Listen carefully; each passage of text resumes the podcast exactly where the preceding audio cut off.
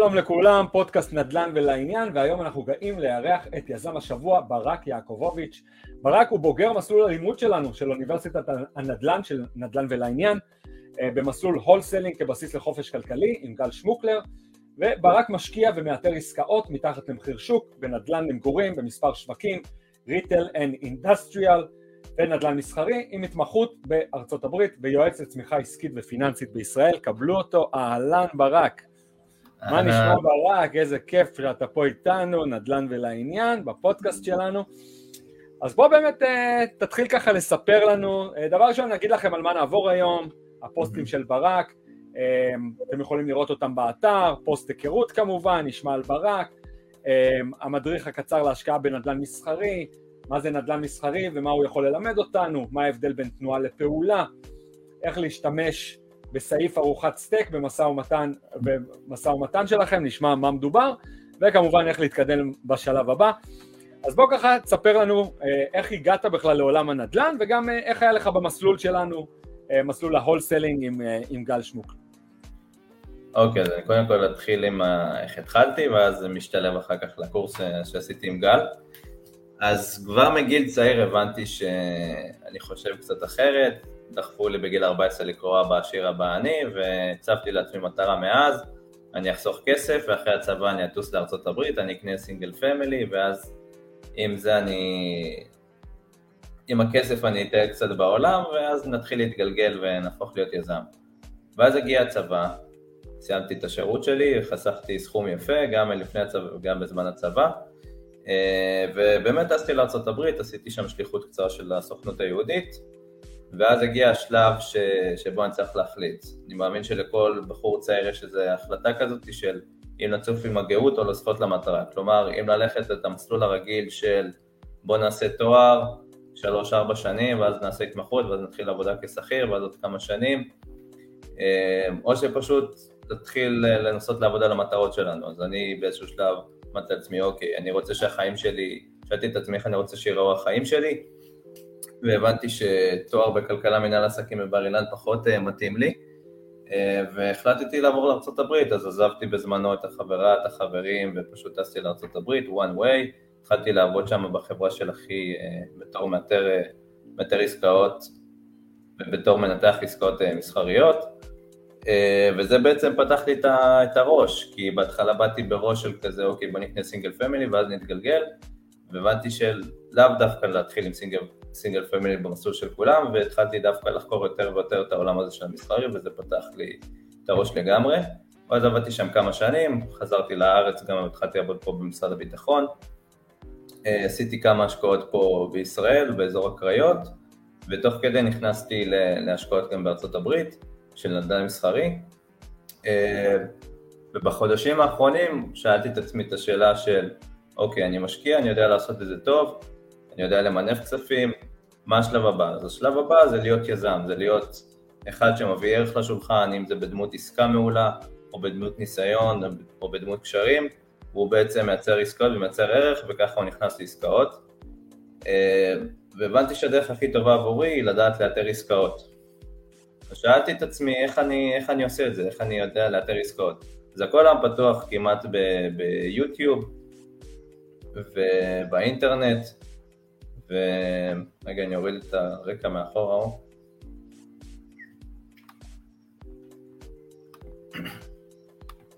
מעולה.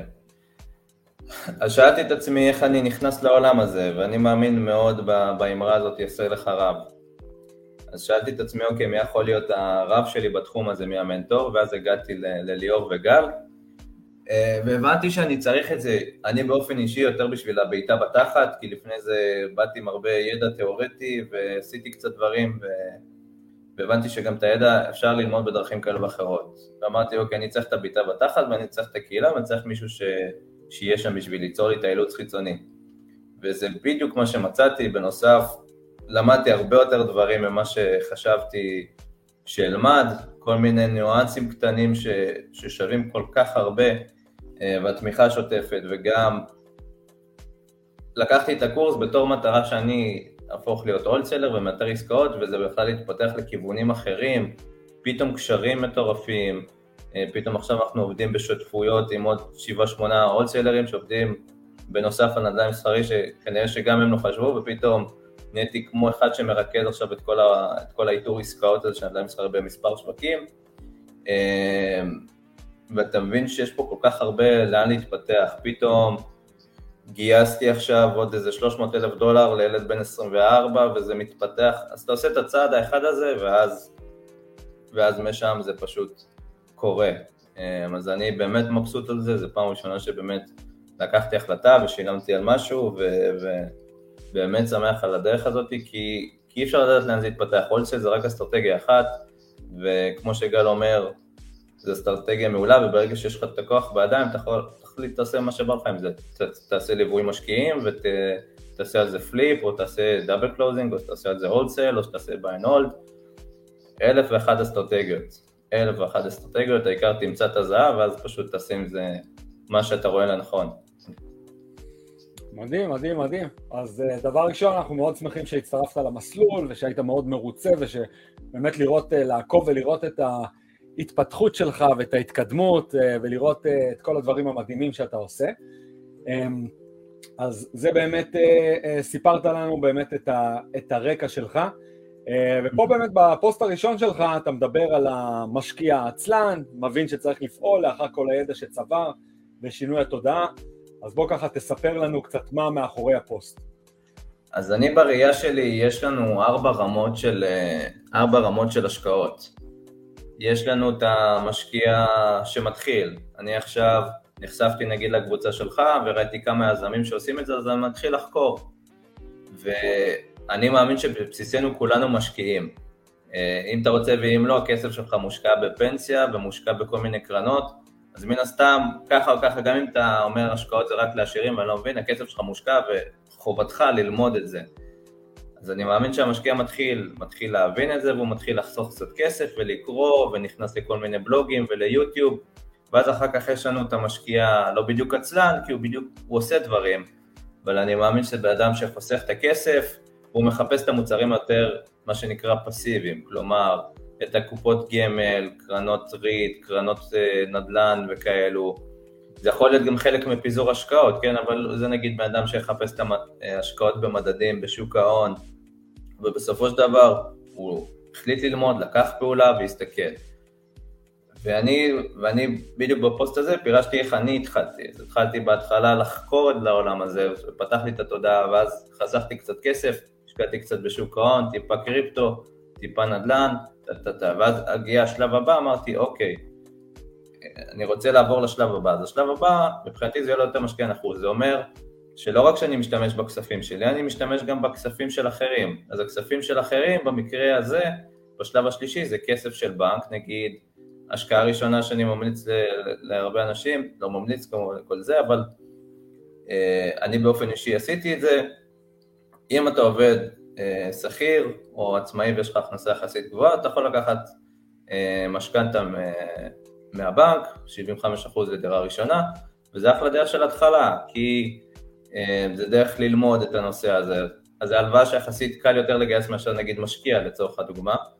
אה, אז, אז בשלב הזה זה נגיד השקעות בנדל"ן בישראל, אה, או השקעות בנדל"ן בארצות הברית אם יש לכם קרדיט, או בכל מקום אחר אם יש לכם דירוג אשראי, או שזה נגיד השקעות על ידי זה עכשיו ממנף איזה איזה, איזה מוצר פנסיוני שיש לי, נגיד יש לי קרן פנסיה שצברתי בה נגיד 400 אה, אלף, אז אני אוכל בעצם לקחת הלוואה על חשבון הקרן פנסיה או על חשבון הקרן השתלמות, אז פה בעצם אני ממנף כספים של הבנק או של החברות ביטוח או חברות פנסיוניות, נגיד יש לי קופת גמל, פוליסת חיסכון, אז אני יכול למנף 70-80% מזה, ואז מתקדם. ואז יש לנו את השלב הבא, זה השלב שלי לקח הכי הרבה זמן לעשות, שזה בעצם המשקיע היוזם. זה אותו משקיע שהוא מקבל תמורה על ידי כך שהוא מייצר ערך לכלכלת השוק. על ידי כך שהוא יוצר הזדמנויות כלכליות. מה זה אומר? אז עכשיו אותו בן אדם, נגיד אתה ליאור, אתה עכשיו מאתר עסקה, אתה יודע לסגור אותה, ואתה יכול בעצם לגייס כסף, ואתה יכול בעצם לקבל רווחים מאותו עסקה, לא רק בגלל הכסף שאתה מכניס אליה, או בגלל הכספים שאתה מגייס מהבנק, אלא בעצם זה שאתה מייצר ערך למשקיעים אחרים. כי לא רק אתה נהנה, עוד אחרים נהנים איתך. אז זה בעיניי הדרך שאני התחבטתי איך אני נכנס לשם. כי אוקיי, הבנתי שאפשר לקנות דירה בארץ, הבנתי שאני יכול למנף את האלף, בית, ג', ד', לקופות גמל, מה השלב הבא? יש לך מין איזה תקרת זכוכית. אבל כשאתה בעצם נהיה יזם, אין לך תקרת זכוכית. כי בוא עכשיו תאתר עסקה שיכולה להביא uh, value של איזה מיליון דולר, תגייס את הכסף. אז פה אותם אנשים, זה אנשים שמתמחים, אני הבנתי שנגיד לפחות בן אדם מסחרי או בנדל"ן, יש לך מספיק עוגה לכולם. יש לך, אם יש לך עכשיו דיל שיש פה מספיק בשר, אתה יכול להביא חלק מהאחוזים למישהו שיגייס את הכסף, חלק מהאחוזים למישהו שמצוין במשא ומתן וניהול העסקה, אה, מישהו שמומחה באיתור העסקה, אז אני אמרתי לעצמי, אוקיי, אני רוצה להיות מומחה באיתור העסקה, ופה נכנס הקורס אה, של ליאור ושל אה, גל, שאמרתי לעצמי, אוקיי, הדרך הכי טובה עבורי, אז אני צעיר, אין לי מספיק ניסיון, יש לי טיפ טיפה קשרים, לגייס כספים עדיין גדול עליי בסקייל של מיליוני דולרים, בוא אני אמצא את העסקה. אז אחת הדרכים, נגיד, לפחות בהתחלה, היא לקבל 3-6% מעסקה מסוימת, ואז אתה יכול או לקחת את זה כעמלה, או כי להיכנס לעסקה ואז ללמוד. ועל הדרך, עם הזמן אתה בעצם יכול, יש לך כבר מספיק ניסיון, יש לך מספיק קרדיביליטי, uh, מספיק רזומה, ואתה יכול uh, להיכנס uh, גם באופן אישי ולהיות אחד מהיזמים העיקריים בעסקה. זה לפחות הדרך שאני בחרתי בה. ואז כמובן יש את השלב הבא שלא דיברתי עליו, שזה כבר uh, המשקיע. שהגיע נגיד לגיל 60-50, שמן הסתם המטרות שלו קצת שונות.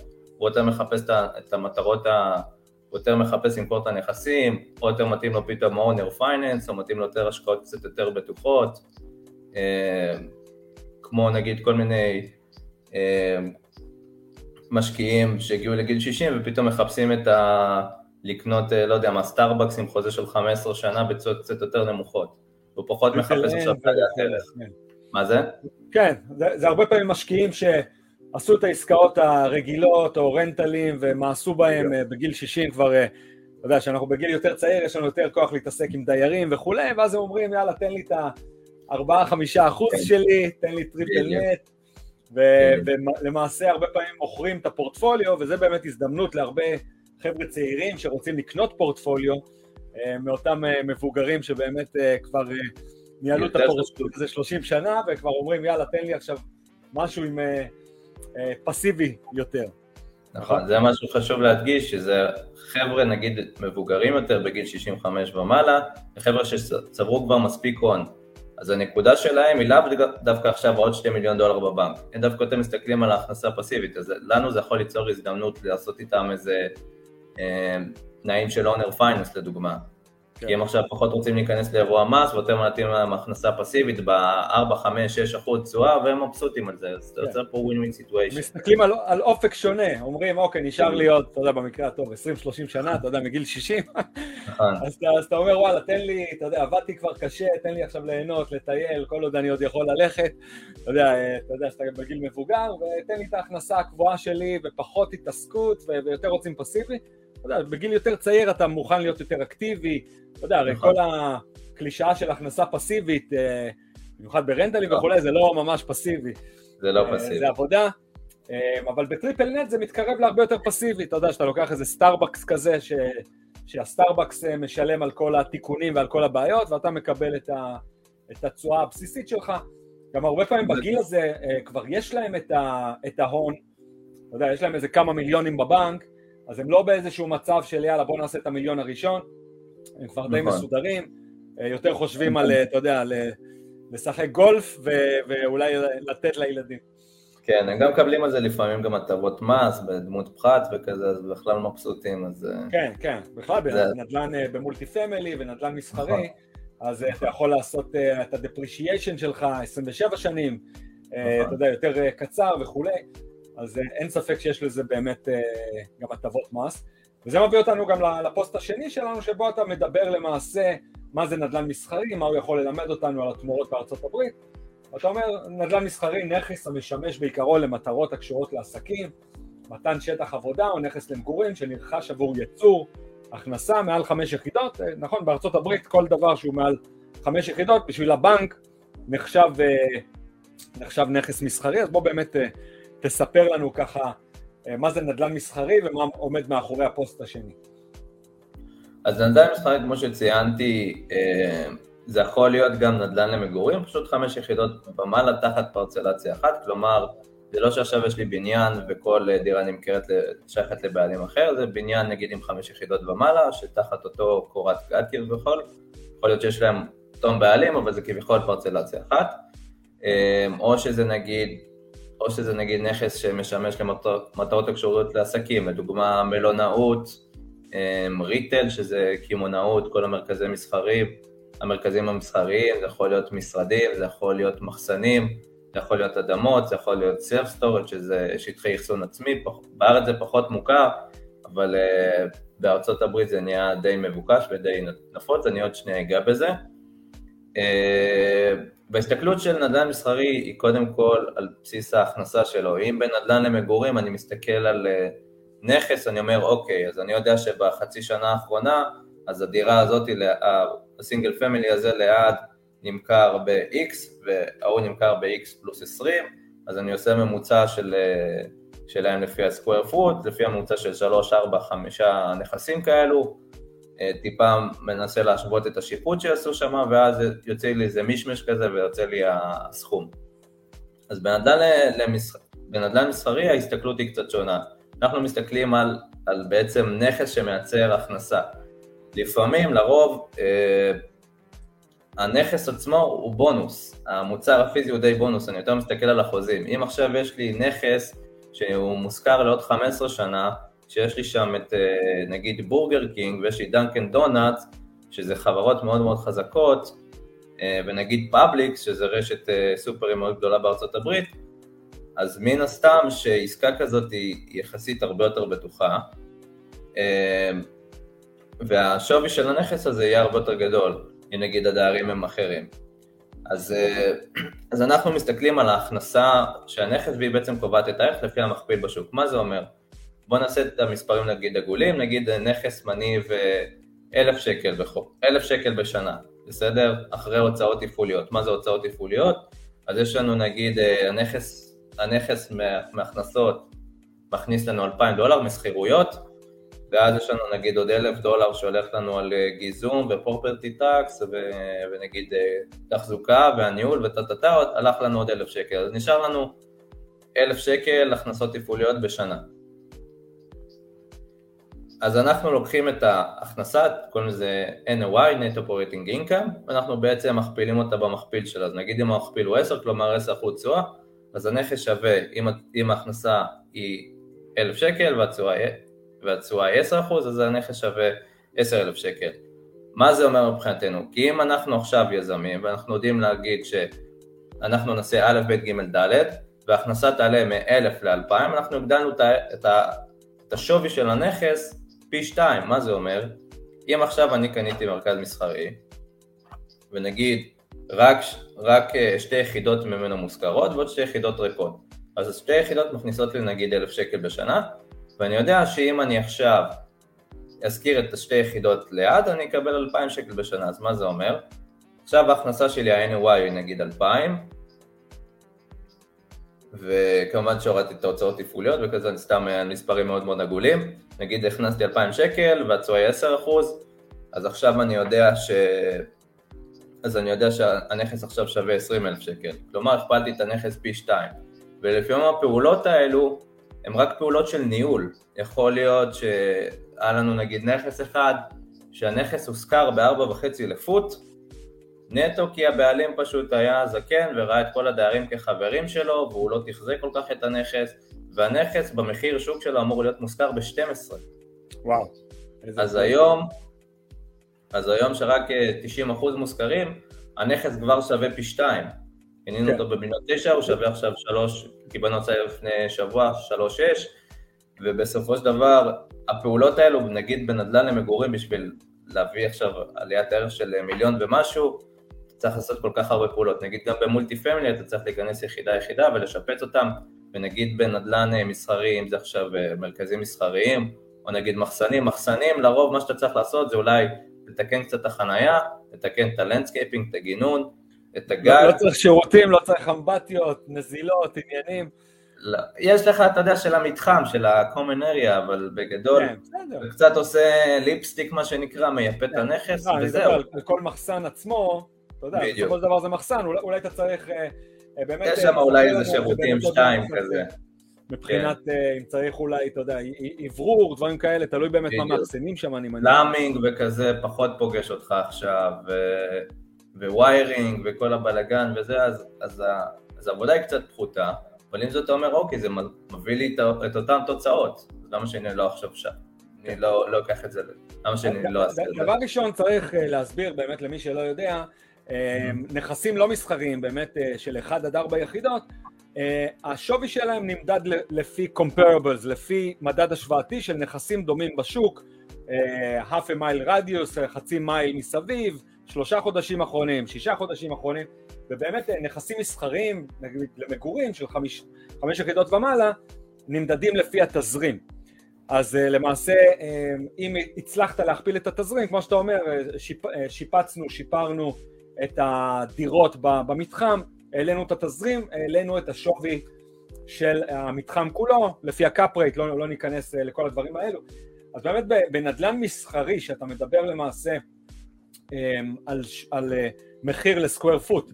אה, אם תוכל להסביר ככה איך נמדד השווי, זאת אומרת בסופו של דבר אם הצלחת לקנות מתחם ב-4 דולר לסקוויר פוט והעלית אותו ל-8, הכפלת למעשה את השווי שלו כי התזרים שלו הוכפל פי 2. נכון.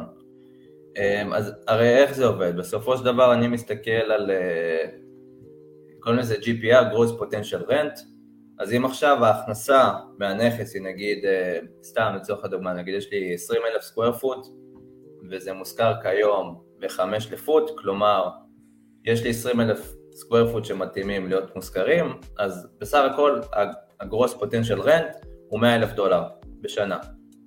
בוא נגיד שנחתוך את ההוצאות שלנו, נגיד אם, אה, אם זה נגיד מחסן, אז בוא ניקח נגיד 40, אה, 30 אחוז, נגיד נשארנו עם 70 אלף דולר NOI, אבל אני יודע שהנכס הזה לא העלו בו שכירויות כבר עשור.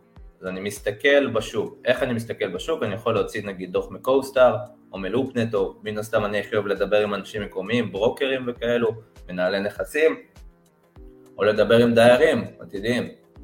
ואתה מבין שהנכס נגיד מושכר ב-12, 10, אז אתה אומר שאם אני אעשה את הפעולות א', ב', ג', ד', גם אם אני לא עושה אף פעולה ואני, ואני יודע שהנכס פשוט מנוהל לא נכון, ואני מחליף את הדיירים, או שפשוט מכניס לדיירים, ליחידות הקיימות במחיר שוק, העליתי כבר את הנכס. כלומר, אם, אם עד היום הנכס הניב 70 אלף דולר NOI, כלומר, בגלל ששוב, ההכנסה ממנו ברוטו הייתה 100 אלף דולר. NOI, Net Operating Income, סך הכל הכנסות פחות ההוצאות, לא כולל המשכנתה. בדיוק. מי שלא מכיר את המונח. כן. בדיוק. אז אם, אם היום זה הכניס 100 אלף דולר, אז אני עכשיו מעלה את זה פי 2. שוב, צריך לעשות פה פעולות מסוימות, וזה משא ומתן, ולפעמים יש משהו שקורה, בשביל להכניס דייר לפעמים, א', יש לנו ליסינג ברוקר לפעמים, ויש לנו גם TI, שזה tenant improvement. יש הרבה מקרים שנגיד דייר עכשיו נכנס, והוא נכנס עכשיו לשלוש, חמש, עשר שנים, אה, זה נגיד נפוץ בעולם המשרדים, אני מבקש, אוקיי, אני רוצה 20 אלף דולר מראש, כי ייקח לי עכשיו חודשיים, שלוש, להכניס את כל הציוד שלי, כי עכשיו אני רוצה לשפץ, לעשות פה פרקט, א', ב', ג', אני רוצה להקים לי משרד, וזה תלוי במשא ומתן. אז אני יודע שנגיד, אה, אני יודע שנגיד ההכנסה שלי פוטנציאלית תהיה 200 אלף דולר, נגיד ההוצאות התפעוליות קצת יעלו, אז נגיד נכנסתי, נשארתי עם NOI של 150 אלף דולר. אז הנכס שווה, קפץ מ-700 אלף דולר למיליון וחצי. עם יחסית לא הרבה פעולות שעשיתי. עוד משהו חשוב להדגיש, גם היצירתיות נגיד בעולם ה multi family. לצורך הדוגמה, העלאת אה, הכנסה היא לא רק על ידי, אה, לא רק על ידי העלאת שכירויות. עצם זה שאני שם vending machine ואני שם עכשיו אה, חנות, איך קוראים לזה? של משקאות. כן, אם אתה שם משקאות. של אה, משקאות, או אם אתה שם אה, חדר אה, הולדת, או אם אתה שם איזשהו מקום ציבורי שצריך לשלם, או מכונות כביסה, כל הדברים האלו למעשה, או שלט, אתה שם שלט פרסום, כל נכון. הדברים האלה למעשה נותנים לך להעלות את התזרים, ואז העלאת תזרים שווה העלאת שווי הנכס, ואז ב refinance למעשה אתה יכול להוציא יותר כסף, להחזיר למשקיעים נכון. וכולי.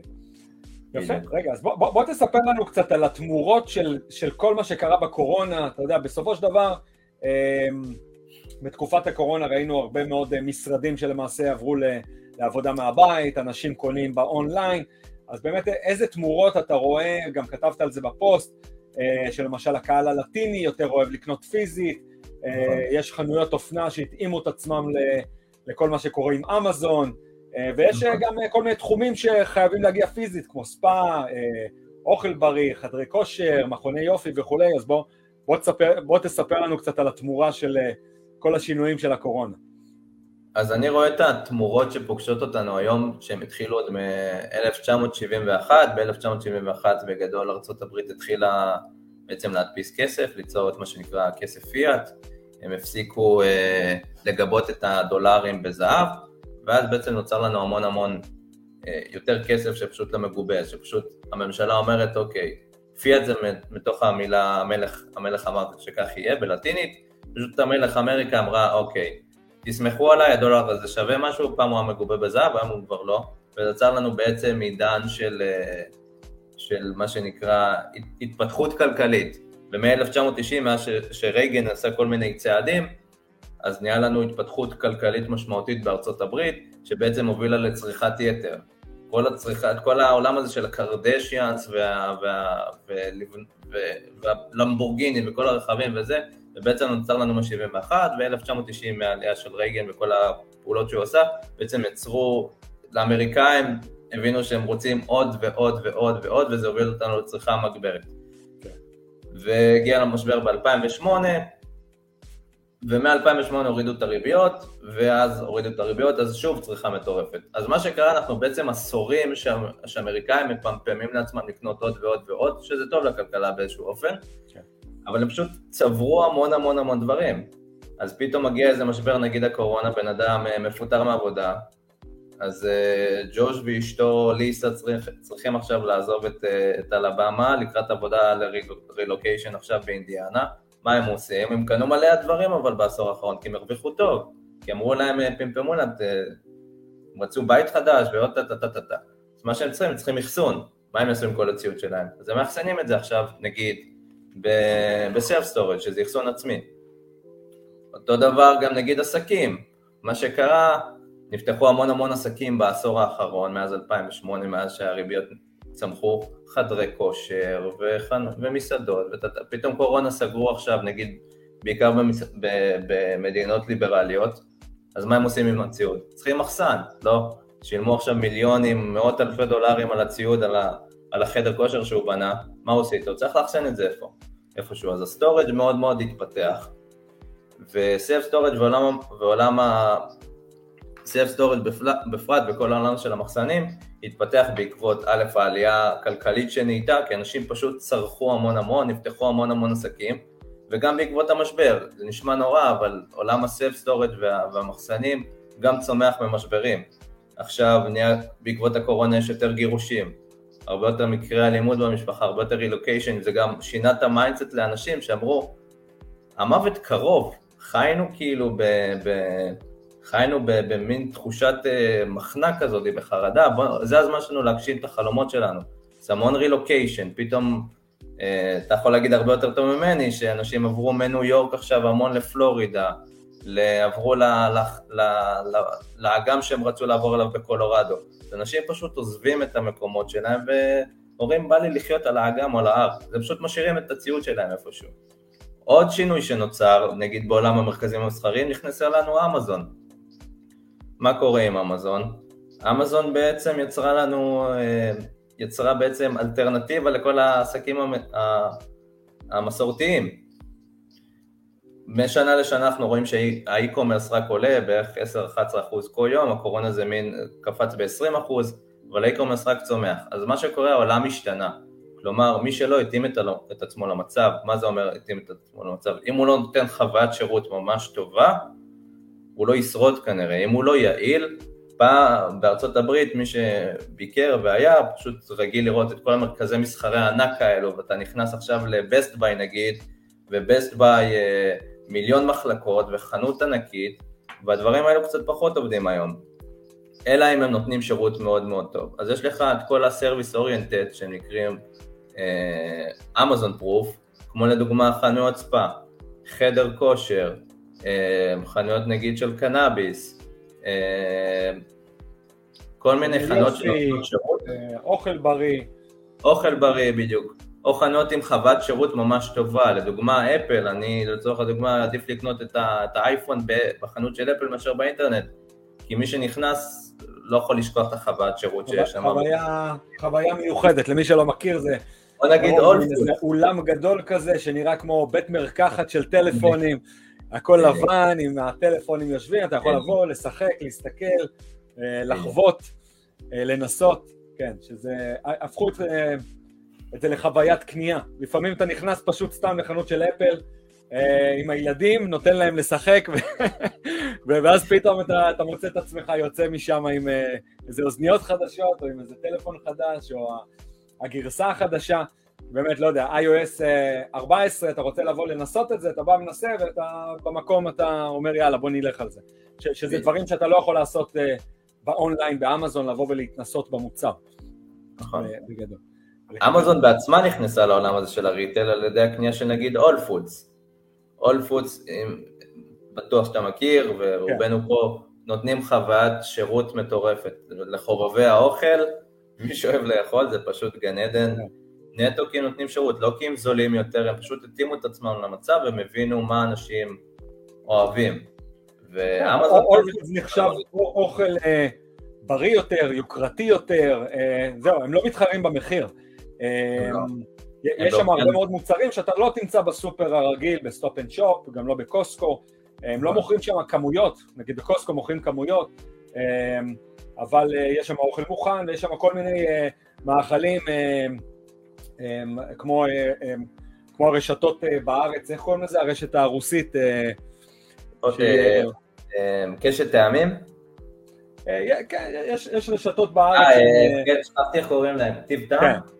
טיב טעם. טיב טעם, טיב טעם, כן, נכון. כן, אז אה, בסגנון הזה, אתה יודע, באמת אה, אה, כל מיני שוקולדים מיוחדים, ואתה יודע, עם אחוזי קקאו גבוהים, וכל מיני דברים כאלה יותר בריאים, ואנשים שבאמת יכולים להרשות לעצמם, שהגיעו לנקודה בחיים שהם לא רק מתקיימים, ורוצים באמת לאכול דברים בריאים יותר וטובים יותר, נכנסים להול פודס, ואתה יכול לסרוק את ה... אתה יכול לקנות עם האפליקציה של אמזון, ואמזון הרי הרחיקו ללכת והיינו בסיאטל, יש אמזון גו שהם גם בטח התחילו להיכנס לכל מקום, אתה פשוט נכנס, מרים מוצר, באופן אוטומטי זה נכנס לך לאפליקציה של אמזון, אתה מחזיר אותו למדף, זה יורד מהרשימה, אתה, כאילו יש חיישנים שיודעים בדיוק, אתה פשוט נכנס ויוצא, אין, אין קופאי, אין שום דבר. מדהים. אז אה, כן, אז אין ספק שיש התאמה של ה retail לעולם הדיגיטלי, אה, נכון. מבחינת אה, חוויית הקנייה, הם בכלל אמזון מומחים בכמה שפחות friction לפני שאתה רוכש. נכון. יש להם כפתורים בבית שאתה פשוט לוחץ ו...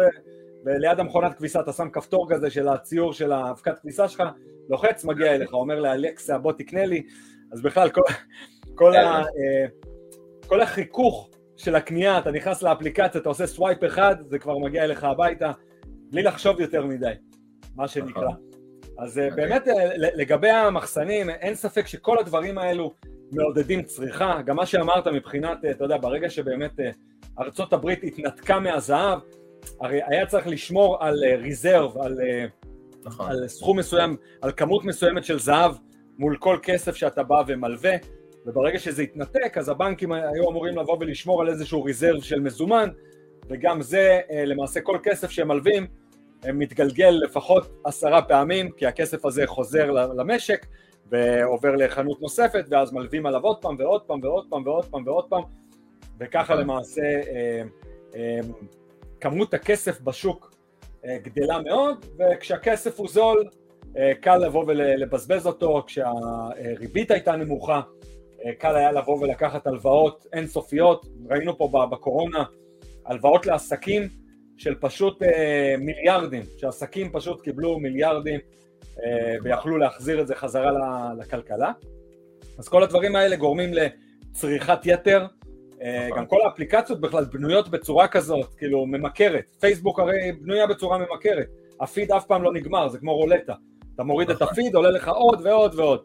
אז גם באמזון וגם באפליקציות אחרות, פשוט אה, בצורה ממכרת, שאתה תקנה כמה שיותר דברים שאתה אפילו לא צריך. כאילו, קנית משחת שיניים, אומרים לך, אולי אתה גם רוצה מראה חדשה, אולי אתה רוצה זה, אולי אתה רוצה זה, אז, אז, אז באמת אמריקאים קונים הרבה מאוד דברים שהם לא צריכים, ואז באמת, כמו שאתה אומר, פתאום, לא יודע, מתגרשים, או עוברים מדינה, עכשיו למשל אנחנו במהלך של לעבור לפלורידה, ויש דברים של הילדים שהצטברו וזה, אז, אז לפעמים אתה צריך באמת self storage כי תגיד, למה להעביר את, את כל הדברים האלה? עכשיו נגיד בגדי חורף. נכון. אבל חבל גם לזרוק את כל המעילים, כי אולי נחזור לניו יורק. אז אתה צריך storage. נכון. אז אין ספק שהדברים האלה, אתה יודע, באמת בשוק האמריקאי, אה, אה, פה הצריכה היא מאוד מאוד אה, קלה, מה שנקרא, אצבע על ההדק מאוד קלה מבחינת הצריכה. נכון. יפה, אז נעבור לנושא הבא, מה ההבדל בין תנועה לפעולה? אוקיי, אז פה אתה נמצא, איפה אתה פה? בניו יורק? בבריקל, במיאמי. אה, ניו יורק של מיאמי. אה, יפה, יפה מאוד, אוקיי. לא, בוא, בוא תספר לנו באמת את הסיפור מאחורי הפוסט. אז פה נתתי סיפור של פרופסור לצילום באוניברסיטה בפלורידה, שהוא בעצם עשה איזה בדיקה. הוא נתן, הוא חילק את, ה, את הכיתה לשתי, לשתי קבוצות, קבוצה אחת, תעשו, תפיקו כמה שיותר עבודות, וככל שתפיקו יותר עבודות, ככה הציון יעלה. והקבוצה השנייה, יש לכם one shot, יש לכם חצי שנה, תעבדו על, על, על, על הצילום המושלם.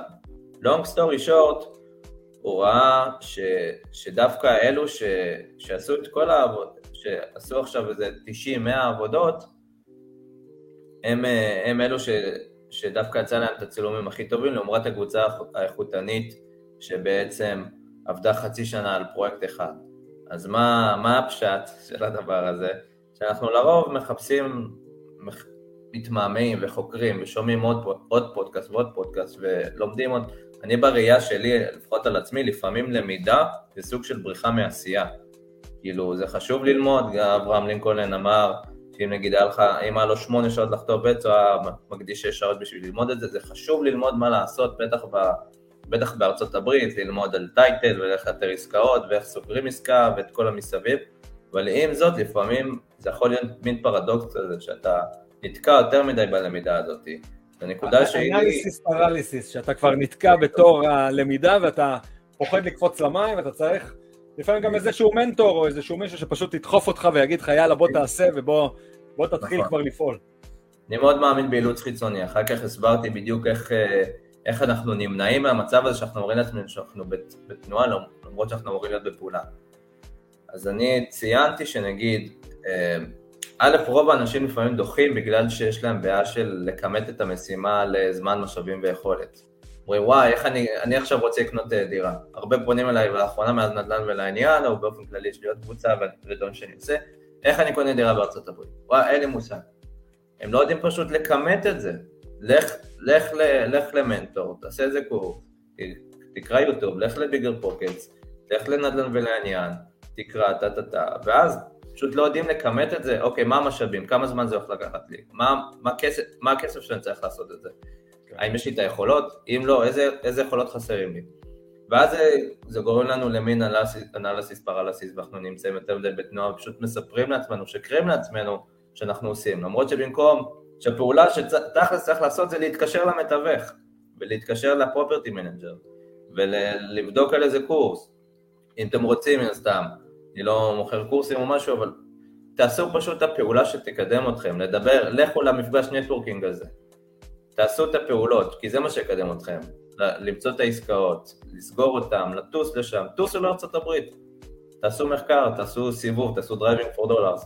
אז אני ציינתי כמה, כמה דרכים מבחינתי שיכולים אה, לעזור לנו עם הדחיינות, ובגדול היא קודם כל לשאול האם מה שאני עושה רלוונטי והאם זה מקדם אותי. האם מה שאני עושה היום מקדם אותי למטרות שלי. אז קודם כל זה מתרכז למה המטרות שלי ומה צריך לעשות. אבל צריך לשאול את עצמנו כל, כל הזמן מה רלוונטי. אז אני אמרתי לעצמי, אוקיי, אני רוצה עכשיו, לא יודע מה, סתם 20 אלף דולר בחודש, אז האם זה רלוונטי שאני אקנה סינגל פמילי או שאני אתרכז בלסגור נכס מסחרי? האם זה רלוונטי שאני אפגש עם הבחור הזה או שאני אפגש עם המתווך ההוא? האם זה רלוונטי שאני ארים עכשיו את השיחה הזאתי למוכר שאני תמיד דוחה, או שאני אקרא עכשיו, אני סתם אפתח עכשיו טיק טוק ואני אראה קטעים של נדל"ן. מה רלוונטי, מה חשוב יותר? ואם זה לא דחוף... להיות ממוקד, להיות ממוקד במטרה ש... ממוקד, לשמור את זה פשוט. כן. ואם לא, אם זה לא חשוב, האם זו משימה שאני יכול ליצור לו אוטומציה, או להציל סמכויות נגיד ל-virtual assistant, אה, וכן הלאה וכן הלאה. ואני פשוט מאמין ש... אה, הסיפור, קראתי עכשיו את הספר של, סטאר, של, אה, של המנכ"ל של סטארבקס, על מה שהם עשו. הוא אשכרה, היה להם את הניסיון לחדור לשוק האסייתי, לאוסטרליה ולאסיה ולכל המקומות האלו, ליפן, ולא הלך לו. והוא הגיע למין משבר כזה, שהוא אמר לעצמו, אה, אוקיי, מה עושים עכשיו? הוא אשכרה לקח את החברה שלו, חברה של מיליונים, כל המשקיעים וכל המשמעויות, סגר את כל העסק, הכשיר את כל העובדים מחדש במשך חצי שנה בשביל לחשוב מחדש. הוא חשב, הוא חשב. אנשים הכי עסוקים בעולם, אילון מאסק וביל גייטס, עוצרים הכל לשבועיים, חודש וחושבים. אז השאלה שלי, כמה זמן אנחנו חושבים? האם אנחנו, האם אנחנו במסלול הנכון? האם אנחנו מתקדמים לאן, לאן שאנחנו צריכים? אוקיי, חשבתם, החלטתם מה אתם צריכים לעשות? תיצרו אילוץ חיצוני. אני האילוץ החיצוני שיצרתי לעצמי, אני פשוט מאוד כן עם עצמי. אני אומר לעצמי, אוקיי ברק, אתה צריך את הבעיטה בתחת. אתה מבין שזה מה שצריך לעשות? אה, אילוץ חיצוני יכול להיות מנטור שאתה לוקח, יכול להיות שותף, אני נגיד מבין שנגיד אה, עכשיו הייתי חודש בארצות הברית, אז יש דברים שלא עבדו, אז אני מבין שאני בן אדם שעובד יותר טוב עם שותפויות, בן אדם שישב עליי כל שבוע ובגלל שלא נעים לך או מסיבה כזאת או אחרת, חייב לגרום לדברים לקרות, אז עכשיו הרצתם קמפיין נגיד, יש לכם שיחות, אתם חייבים לענות להם, ככה או ככה, אם, לכם, אם יש לכם כוח או אין לכם כוח, אתם חייבים לענות לזה. ועוד משהו שאני מאמין בזה, אנחנו בסופו של דבר יש לנו דופמין. יש לנו את ההורמון הזה שאומר לנו כל הזמן, לך תראה טלוויזיה, לך ת, תגלגל בפייסבוק ובאינסטגרם. אז אני אומר, בואו נשתמש בזה לטובתנו. בא לכם לראות עכשיו, לצאת לאכול גלידה, בא לכם לראות טלוויזיה, בא לכם להיות בטיקטוק, מה, מה שזה לא יהיה, תעשו פעולה, ואז תעשו את זה. תיצרו לכם צימוד הרגלים. מה זה אומר? אני עכשיו, אמ, אני עכשיו יודע שאני רוצה לקנות נכס בארצות הברית, בוא, בוא תקדיש עכשיו ארבע שיחות למתווכים, תמצא דרך ביגר פוקטס לדוגמה, תתקשר אליהם, אחר כך תפרגן לעצמך במסעדת סטייקים שאתה והחבר רציתם. תגיד לחבר, שמע אח שלי, אנחנו סוגרים עכשיו אה, טיסה לתאילנד, אם אני ואתה עכשיו טסים לארה"ב עושים סיבוב נכסים. אם אני ואתה עכשיו נכנסים. מתנות קטנות בדרך אה, שמדרבנות. וזה ייצור הרבה יותר משמעות, כי, כי לבוא ולסלוק את האשראי זה הכי קל שיש, אבל ברגע שאתם מקשרים לזה משמעות מסוימת, זה, זה, זה אחר לגמרי. אוקיי, okay, אז, אז אתה הבנת למעשה להגיע למטרות הגדולות, 20 אלף דולר בחודש וכולי, אז אתה צריך לכוון לעסקאות הגדולות, אה, נדל"ן מסחרי אה, לדוגמה, ופה העלית לנו אה, מדריך, אז דבר ראשון בוא תספר לנו פה על התמונה, מי שצופה בנו, עם מי אתה נמצא פה? אז זה בחור בשם סקוט שיל, יש לו, יש לו חברה, יש לו המון חברות, אבל אחת החברות שלו זו חברה שמתמחה בכל הנושא הזה של לימודים של נדל"ן מסחרי בארצות הברית. אה, לי התמזל להכיר אותו בגיל 21, הוא בעצם זה שהכיר לי ופתח לי את כל העולם הזה של המסחרי. הייתי ילד שהבין רק מה זה סינגל פמילי, וגם זה בקטנה, ואז פתאום אתה שומע על אה, כל מיני דרכים יצירתיות ו-sub device of collateral ופתאום self storage וטה טה טה, פוצץ לי את המוח.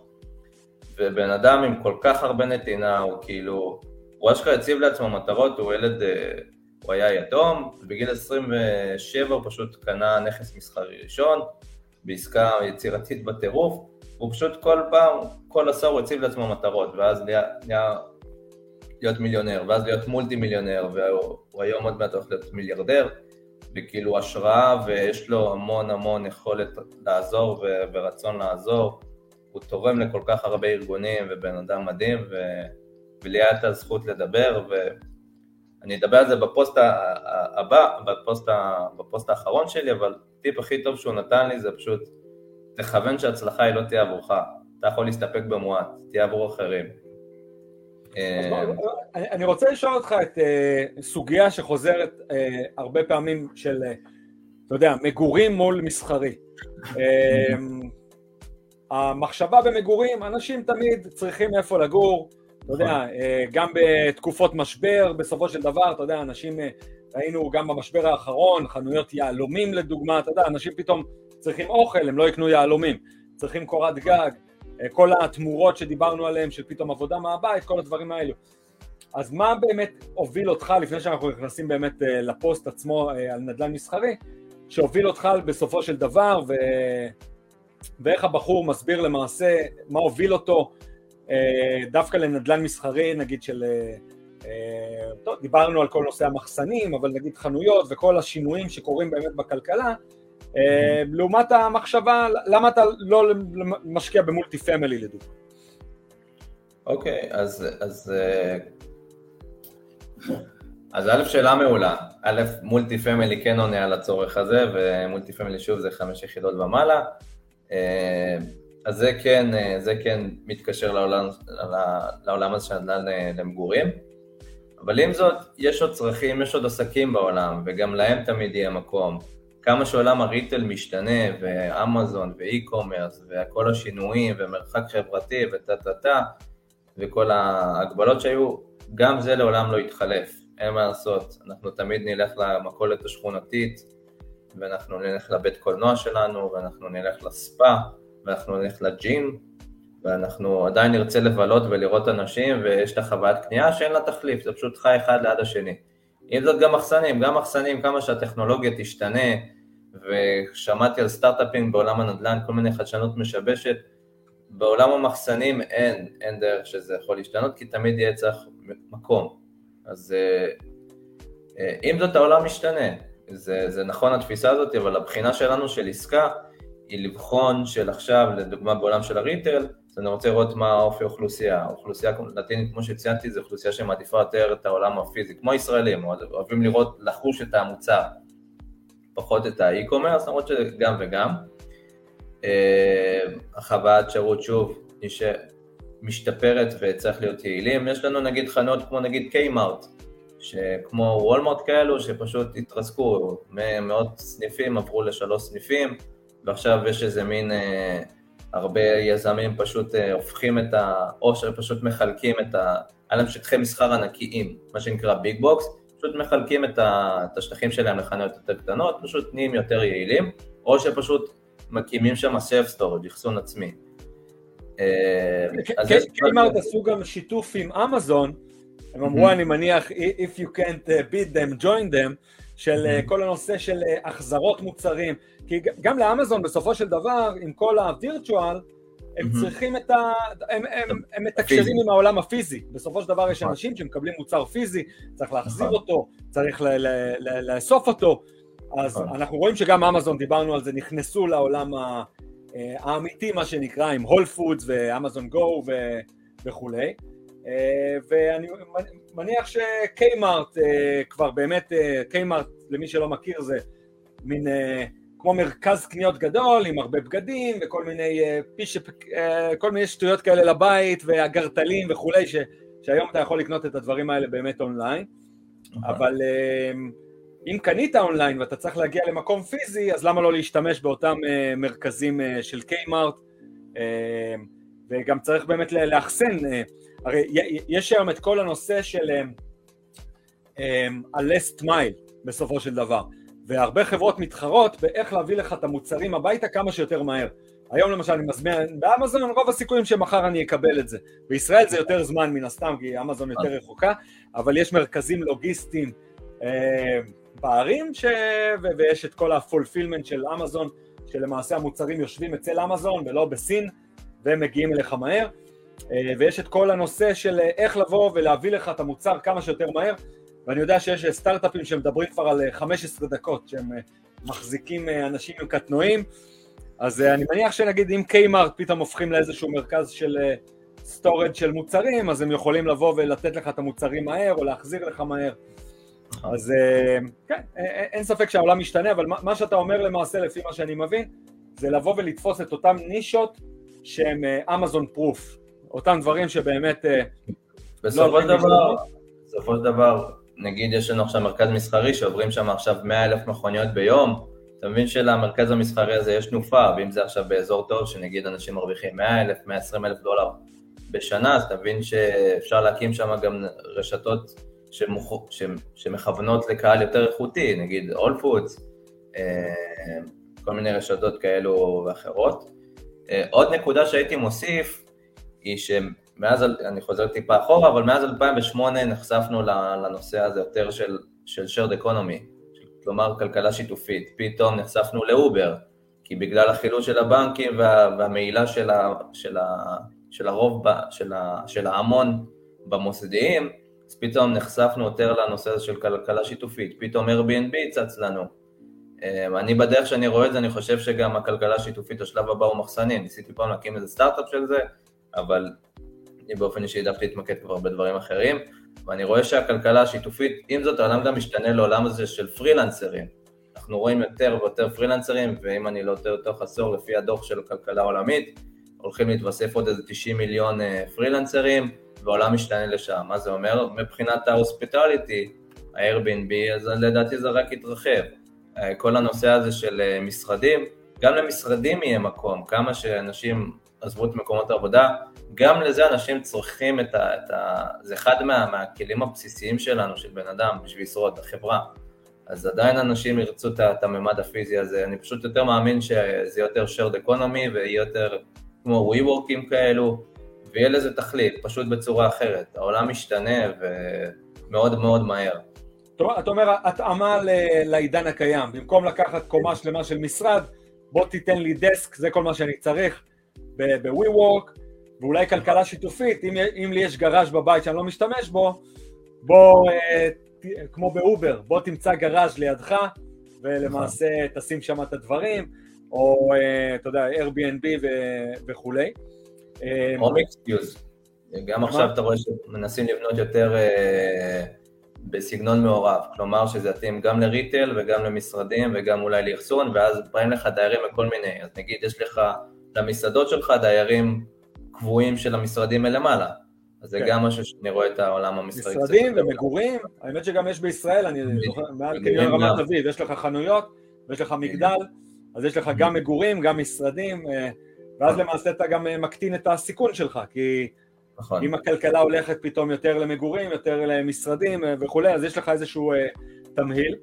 אבל אני חושב שבאופן כללי אנחנו רואים בארצות הברית, אני חושב לעומת אירופה לדוגמה, שהרבה דברים אה, הם שטנצים קבועים, אתה, אתה הרבה פחות רואה את ה-moms and pops restaurants, אתה יודע, אלא נכון. הרבה יותר chainים קבועים, ואני מניח שזה אולי אה, אה, מבחינת המשקיעים איזושהי הורדת סיכון, אני מכיר את סטארבקס, אני יודע איך הם עובדים, אבל אני לא מכיר את, את ג'ון ואשתו, של איך הם מנהלים בית קפה.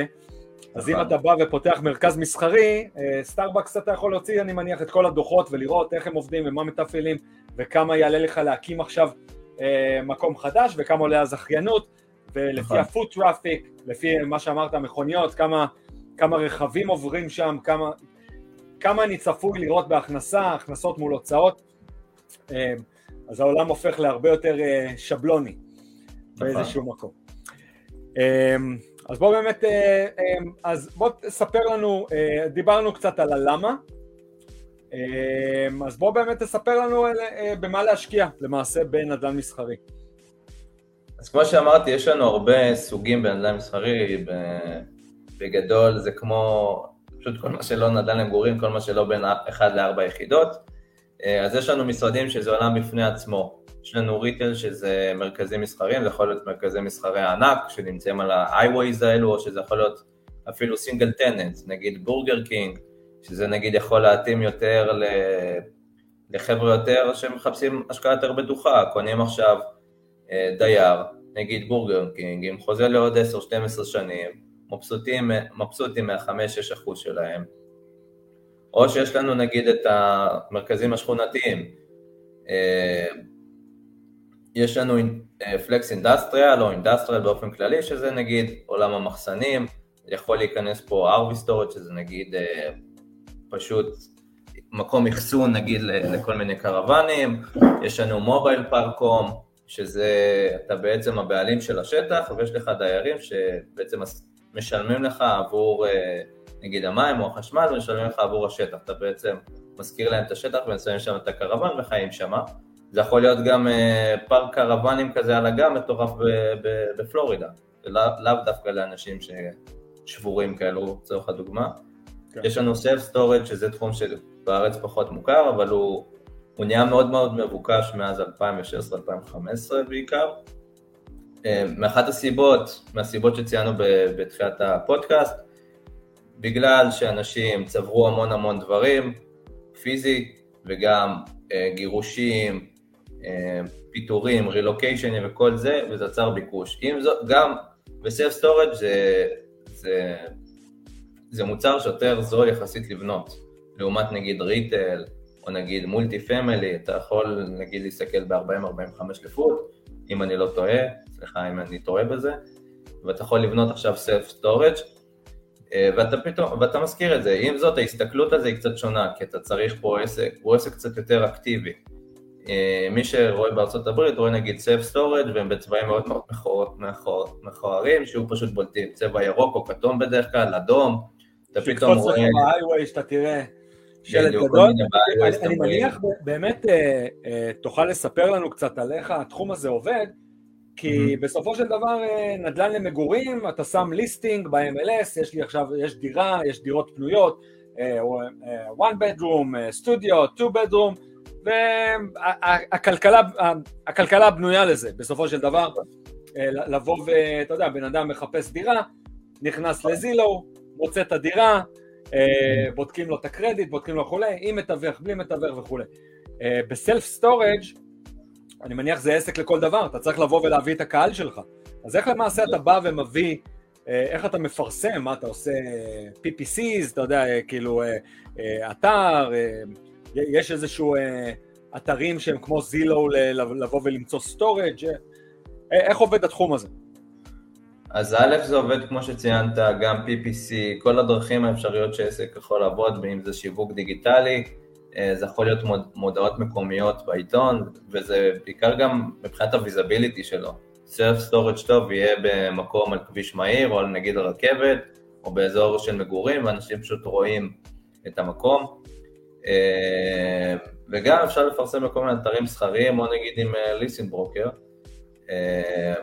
גם כל העולם האחר של המסחרי עובד באיזשהו מקום באותו תצורה, יש לך את ה listing broker ואתה משלם לו את ה fees שלו, או שאפשר לפרסם באתרים מסחריים, נגיד LoopNet, אה, Crexi, או עם הברוקרים המובילים, נגיד Marcus & Millichap, ואחת הדרכים, נגיד לא ב self storage אבל נגיד בתחום אחר במסחרי, זה פשוט, יש המון אירועי networking של דיירים. עכשיו, אתה יודע, דיירים נגיד כמו סטארבקס או מרשלס, או... ואתה פשוט נפגש איתם, אתה אומר להם, אוקיי, יש לנו מקום פה מתאים, אנחנו הבעלים של מרכז, בוא נדבר. אמ, אז אחת הדרכים היא מן הסתם גם ליצור networking עם אותם דיירים, כי בסופו של דבר את אותם דיירים מייצגים, כן. אמ, מייצגים העובדים בחברה. אז או בדרכים... כל, כל מיני אירועים לקדם את המתחם, באיזשהו מקום מיקום מרכזי למתחם, אני מניח שמרכזי self storage, דבר ראשון אתה יכול לשים על הייווי. לעומת uh, uh, דירות שזה פחות אטרקטיבי להיות על הייווי.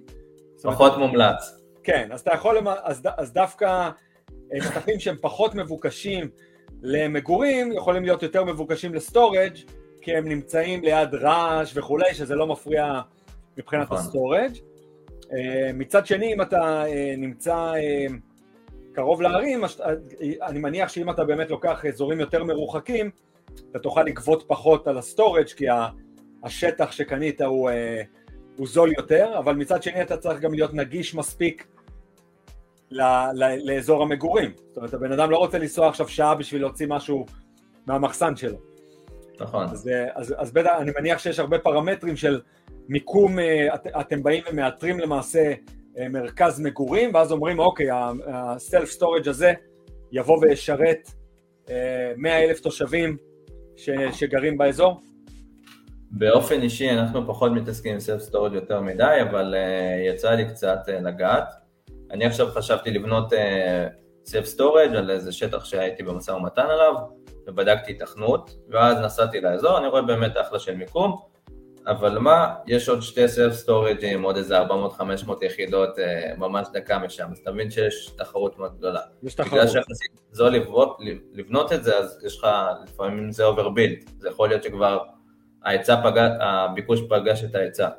כן. אה, אז זה דרך אני מניח שכמו בכל תחום, מי שנכנס ראשון, מה ההיצע, בדיוק. אז קודם כל כן. לראות מה ההיצע, לראות מי מנהל את העסק, ואחר כך אתה רוצה לראות גם, שוב, שיש- שהמיקום מתאים, שאתה רוצה לראות שאנשים באמת מסוגלים לשלם. כי אם, כי אם זה עכשיו חבר'ה שמרוויחים 20-30 אלף דולר, לא בטוח שיהיה להם את ה-200 דולר לשלם על מחסן, מן הסתם. אז אתה רוצה כן, לראות גם את כן. ההכנסה, אתה רוצה לדעת את המיקום, אתה רוצה לדעת אה, אם זה ליד iWays, אה, למרות שב self storage זה קצת פחות חשוב, אבל אה, זה חשוב יותר ל marketing, הייתי אומר. כן. וזהו, זה, זה, זה ההסתכלויות העיקריות. ומן הסתם גם הטכנולוגיה. לעומת- זה? נדל"ן במגורים, שבו אתה נגיד, אה, אם אתה נמצא באזור של אוכלוסייה יותר חלשה, C minus וכולי, אתה תבוא ותסתכל, אוקיי, הבן אדם מכניס, המשפחה מכניסה 3,000 דולר בחודש, אה, שליש מזה, אתה יודע, ה rent נגיד יכול להיות עד שליש מזה 1,000 דולר, אבל. ברגע שאתה מדבר על self storage, ה self storage הוא יותר אה, מותרות באיזשהו מקום, אז אתה אולי תלך לאזורים קצת נכון. אה, ברמה של אה, B plus, כי הבן אדם אומר, וואלה, אה, אני כבר שילמתי על המגורים שלי, כי זה on top של על המגורים. זאת אומרת, הבן אדם צריך להרוויח לא זה, אנשים שכנראה יותר צרכו, שמה? שיותר צרכו, הרי מה- מה- מעמד הביניים ומעלה, זה אוכלוסייה שיותר צורכת. כן, יכול להיות יותר, יש להם גם יותר כסף, כמו שאמרת, מותרות עכשיו, מה שנקרא, לבזבז על מחסנים. כן. אה, הבן אדם כבר עכשיו משלם על בית 2,500 ברנט או במורגג' ו-. ויש לו הרבה מאוד דברים, ואז הוא אומר, אוקיי, אני אשלם עכשיו עוד 500 דולר. מה, מה באמת המחירים, אה, אה, איך נעים המחירים פחות או יותר? איך נראים המספרים ב- בעסקה כזאת? אני יודע שבעולם של ה flex industrial זה נע בדרך כלל בין, שוב, תלוי במיקום, בין 7 לבערך 15 לפוט, תלוי אם זה מיקום מדהים גם 22. אה, ב self storage אני יודע שזה נע בין נגיד 130-150 ל-220, גם 250, שוב, תלוי במיקום ליחידה קטנה כזאתי. אה, עם זאת, אבל גם ב self storage יש לך את הנושא הזה של הטכנולוגיה. אתה רוצה לדעת שיש הרבה מצלמות ושיש קודנים, וגם הנראות של זה, זה גם מן הסתם חשוב. זה גם מגדיל לך למעשה להוצאה. אז המשחק. הוא בסופו של דבר כמה עולה לך square foot, כולל כל הטכנולוגיה, לבנות הכל אה, וכולי, וכמה אתה מכניס, ו- וכמה תפוסה יש לך. זאת אומרת, אם עולה וכמה עולה לך foot, תפוסה. בסופו של דבר זה קצת יותר אה, אקטיבי, מאשר עכשיו ריטל או פלקס אינדסטריאל, כי בסופו של דבר התחלופה יכולה להיות, זה בדרך כלל חוזים גם to month. אז עכשיו, אה, אם זו אוכלוסייה יותר אה, עשירה, אז לרוב הם גם נשארים קצת יותר, אבל לרוב זה גם month to month. אז עכשיו יש לך גם את הנושא הזה של eviction, אז יש את הנושא הזה של, שאתה צריך גם להירשם ב-association של self storage בשביל לטפל בכל ה-evictions האלו, שתוכל לתבוע אותם, או לטפל בזה קצת יותר, אה, באופן יותר מקצועי. אתה מדבר על אביקשן של, אה, של מה שהם שמו שם בפנים. כן, יש מקרים שאתה יודע, שפשוט אומרים, אה, נכסים שנגיד לא נוהלו טוב, והיו דיירים לא טובים, אתה פתאום ארבעה, שישה חודשים לא משלמים, לך תרדוף אחריהם. אז כל דבר וה... אז, אז מה באמת עושים? יש את כל התוכניות ריאליטי האלה של... אה, שאנשים עושים auction על מחסנים ומוצאים שם כל מיני מציאות. כן, כן, נכון. יפה. רגע, ובאיזה אזורים אתה, אתם עובדים? אה, עובדים בעיקר במדינות רפובליקניות, אה, פלורידה, טקסס, ניו ג'רזי, ניו ג'רזי לא רפובליקנית, אבל ניו ג'רזי כי השותפה של אחי עובדת שם. אה, עכשיו התרחבנו לאינדיניאפוליס, אה, אוהיו, זה גם שוק שמאוד מעניין, ואלבמה זה גם שוק שאולי ניכנס אליו. אה, אבל פלורידה זה העיקר, פלורידה, נורף קרוליינה גם, אחלה של שוק. יפה. אז איך אתם מאתרים למעשה את העס- את העסקאות? אז יש את הדרך שלמדתי אצל גל, שזה בעצם להיות אה, סוג, לקחת את העיניים של אולסלינג, שהכי בגדול שיש זה לפלטר את הדאטה שלך לדוגמה, אנחנו עכשיו נפלטר מה שדיברנו בתחילת השיחה, בן אדם, בן אדם שנגיד הוא מבוגר, 60-65, שיש לו מה שנקרא הרבה אקוויטי, כלומר, הוא קנה את הנכס נגיד, לא יודע, ב-20 אלף דולר והיום הוא שווה מיליון שתיים. אז אותו בן אדם עבור הצעה שמאוד נוחה, נגיד קש אופר, או הצעה עכשיו ש, שתיתן לו עכשיו פנסיה עד שהוא ילך לעולמו, אז, הוא, אז, אז אנשים כאלו יותר, יותר בעצם פתוחים להצעות כאלו יצירתיות, ואז זה לוקח אותנו גם למימון יצירתי של העסקה. אז אנחנו בדרך כלל נפלטר אנשים עם הרבה equity ואנשים שהם קצת יותר tired. בנוסף, אנחנו נפלטר אנשים עם בעיות קצת פיננסיות יותר, יכול להיות שיש לו איזה שיעבוד על הנכס, יכול להיות כל מיני, נפלטרים את הדאטה לפי הצרכים שלנו, ואז אחר כך אנחנו נבדוק, אה, אנחנו בעצם נרוץ על רשימות, לדוגמה יש לי עכשיו 2,000 ואז יש לנו כל מיני אסטרטגיות שיווק, texting, cold calling, גלויות, יש לנו bandit sign, יש כל מיני אסטרטגיות. בנוסף, אם אנחנו לא רוצים לעשות את זה בעצמנו, כי זה מה לעשות, זה עבודה, אנחנו יכולים או עכשיו, או עכשיו לעשות driving for dollars, שזו דרך שאני מאוד אוהב. עכשיו לקחתי את האוטו, נסעתי איזה חמש שעות ופשוט נסעתי סביב אה, מרכזי מסחר מרכזיים, ופשוט אמרתי, אוקיי, זה אזור מעולה, זה מה שנקרא, אני חיפשתי את ה-diamonds in the rough, את כל היהלומים הלא מלוטשים האלו במיקום מעולה, כי אני אומר, אני יכול לעשות פעולות א', ב', ג', ד', ו... ואני יודע שהמיקום מעולה, מיקום אי אפשר להחליף, אין מה לעשות, ולפעמים עד שנהיה ג'נטריפיקציה באזור לוקח הרבה זמן, אז אני מחפש את הנכסים הכי מכוערים באזורים הכי טובים שיש, אז זו שיטה מעולה, ואז אתה פשוט מאתר את הכתובת ושולח איזה מכתב או אס.אם.אס או הוא מתקשר לבעלים. בנוסף אפשר לפנות לברוקרים, לפתח קשרים, להגיד להם אוקיי זה הקריטריון שלנו, קודם כל חשוב להגדיר קריטריון, לא להגיד להם אני מחפש נדל"ן מסחרי, הוא ישלח לי יאללה בבאללה, בואו נגדיר לו קריטריון, זה נגיד הסקוויר פוט שאני משתמש, עובד בו 3,000 ל-7,000, אני מחפש נכס שיש לו נגיד אפסייד מסוים, מה זה אומר? אני מחפש נכס שנגיד לא כל היחידות מושכרות, שוב נגיד נלך לעולם של המחסנים, נגיד יש 10 יחידות, אני רוצה נכס שרק 80% מושכר ממנו, או שנגיד הנכסים, היחידות מושכרות מתחת למחיר שוק, ואז אני יודע שבמספר פעולות אני יכול להגדיל את ההכנסות, ואז ככה אני מגדיל את שווי הנכס, ואז המשקיעים שאיתי יכולים ליהנות מכך. אה, עוד דרך יש לנו על הלוואות מעל מיליון דולר, אתה צריך לחתום מול טרנזקשיונל לטוני, שהוא אומר לך, אה, חבר, אתה מבין את המשמעות של מה שעשית עכשיו? זה עוד, עוד אה, דרך. או שיש לנו אוקשנס, כמו ברזידנציאל גם פה, בתי משפט לפנות לפאבליק רקורס, קוד ויוליישנס, או דרך, או מחלקות בבנק שמתעסקות עם נכסים שהם לקחו תחת בעלותם בעקבות פירעון הלוואה. אה, ויש את הברוקרים הגדולים, יש כל מיני אתרים, כמו שיש לנו את זילו נגיד במגורים, אז יש לנו את לופנט, קרקסי, מרקוס אינמיץ', ויש עוד המון המון אה, אתרים. אה, וזהו, זה פשוט להתחיל, כאילו, ה volume קצת יותר נמוך מן הסתם, זה לא נגיד כמו single family שיכול להחליף איזה 3-4 ידיים בשנה, זה נכסים שלפעמים יושבים עליהם גם 15-20 שנה, פשוט לחכות לזמן הנכון. אה, וואו. ושוב, זה קשרים. זה גם קשרים. טיימינג אחר. יפה. כן. אז אה, הגיעה עסקה, איך אתה מנתח? אתה אומר בגיל 22 מצאת את עצמך מנתח מספר רב של נכסים כל יום, והגיעה אליך עסקה, בוא בוא תספר לנו עליה. אז בקצרה, בשביל, קודם כל אתה מנתח עסקה מבחינה פיננסית, אתה רוצה לראות שהמספרים עובדים, אתה רוצה לדעת, אה, אם זה נגיד בפלורידה, נגיד באזור של אורלנדו, אנחנו נגיד אומרים ש... כל נכס שנמכר פחות מ-100 אליפות זה בוננזה. נגיד עכשיו אפילו יש לנו מחסן או איזה ריטל שהבעלים אה, רוצה פחות מ-100 אליפות, גם אם מוכרים חואר 6, אנחנו יודעים שזה שוק מתפתח, אנחנו אומרים אוקיי, מה זה אומר? נגיד זה 40 אליפות ועכשיו הוא רוצה, רוצה 4 מיליון, אנחנו אומרים וואלה, יש עסקה. אבל זה נגיד הסתכלות בשווקים שאנחנו מכירים. אז אנחנו מסתכלים קודם כל על ה-price per square foot, ואנחנו מסתכלים על מה ההכנסה, אוקיי, האם הנכס מניב עכשיו שלוש, סתם הייתי עכשיו, אה, איזה ברוקר שלח לי, אמת לפני יומיים איזה נכס, בשלוש אחוז תשואה. אמרתי לו, אח שלי, כאילו גם אם אני עושה פה עליית ערך מטורפת, אין לי פה יותר מדי לאן להתקדם.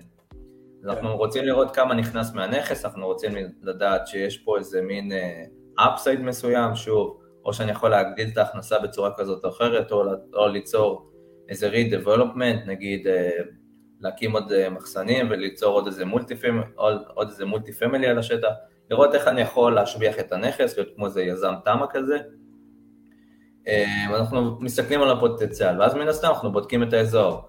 היה לי עכשיו איזה נכס שהייתי במשא ומתן עליו, אבל הדמוגרפיה לא טובה, זה בעיירה, גם המספרים עבדו, הוא רצה לקנות, למכור את זה ב-10 NOI במקום, in place, עם עוד איזה value add מסוים, אבל הדמוגרפיה לא טובה, ואין שם יותר מדי תעסוקה, ואנשים לא מרוויחים יותר מדי, אז זה משהו מבחינתנו שגם שובר את זה.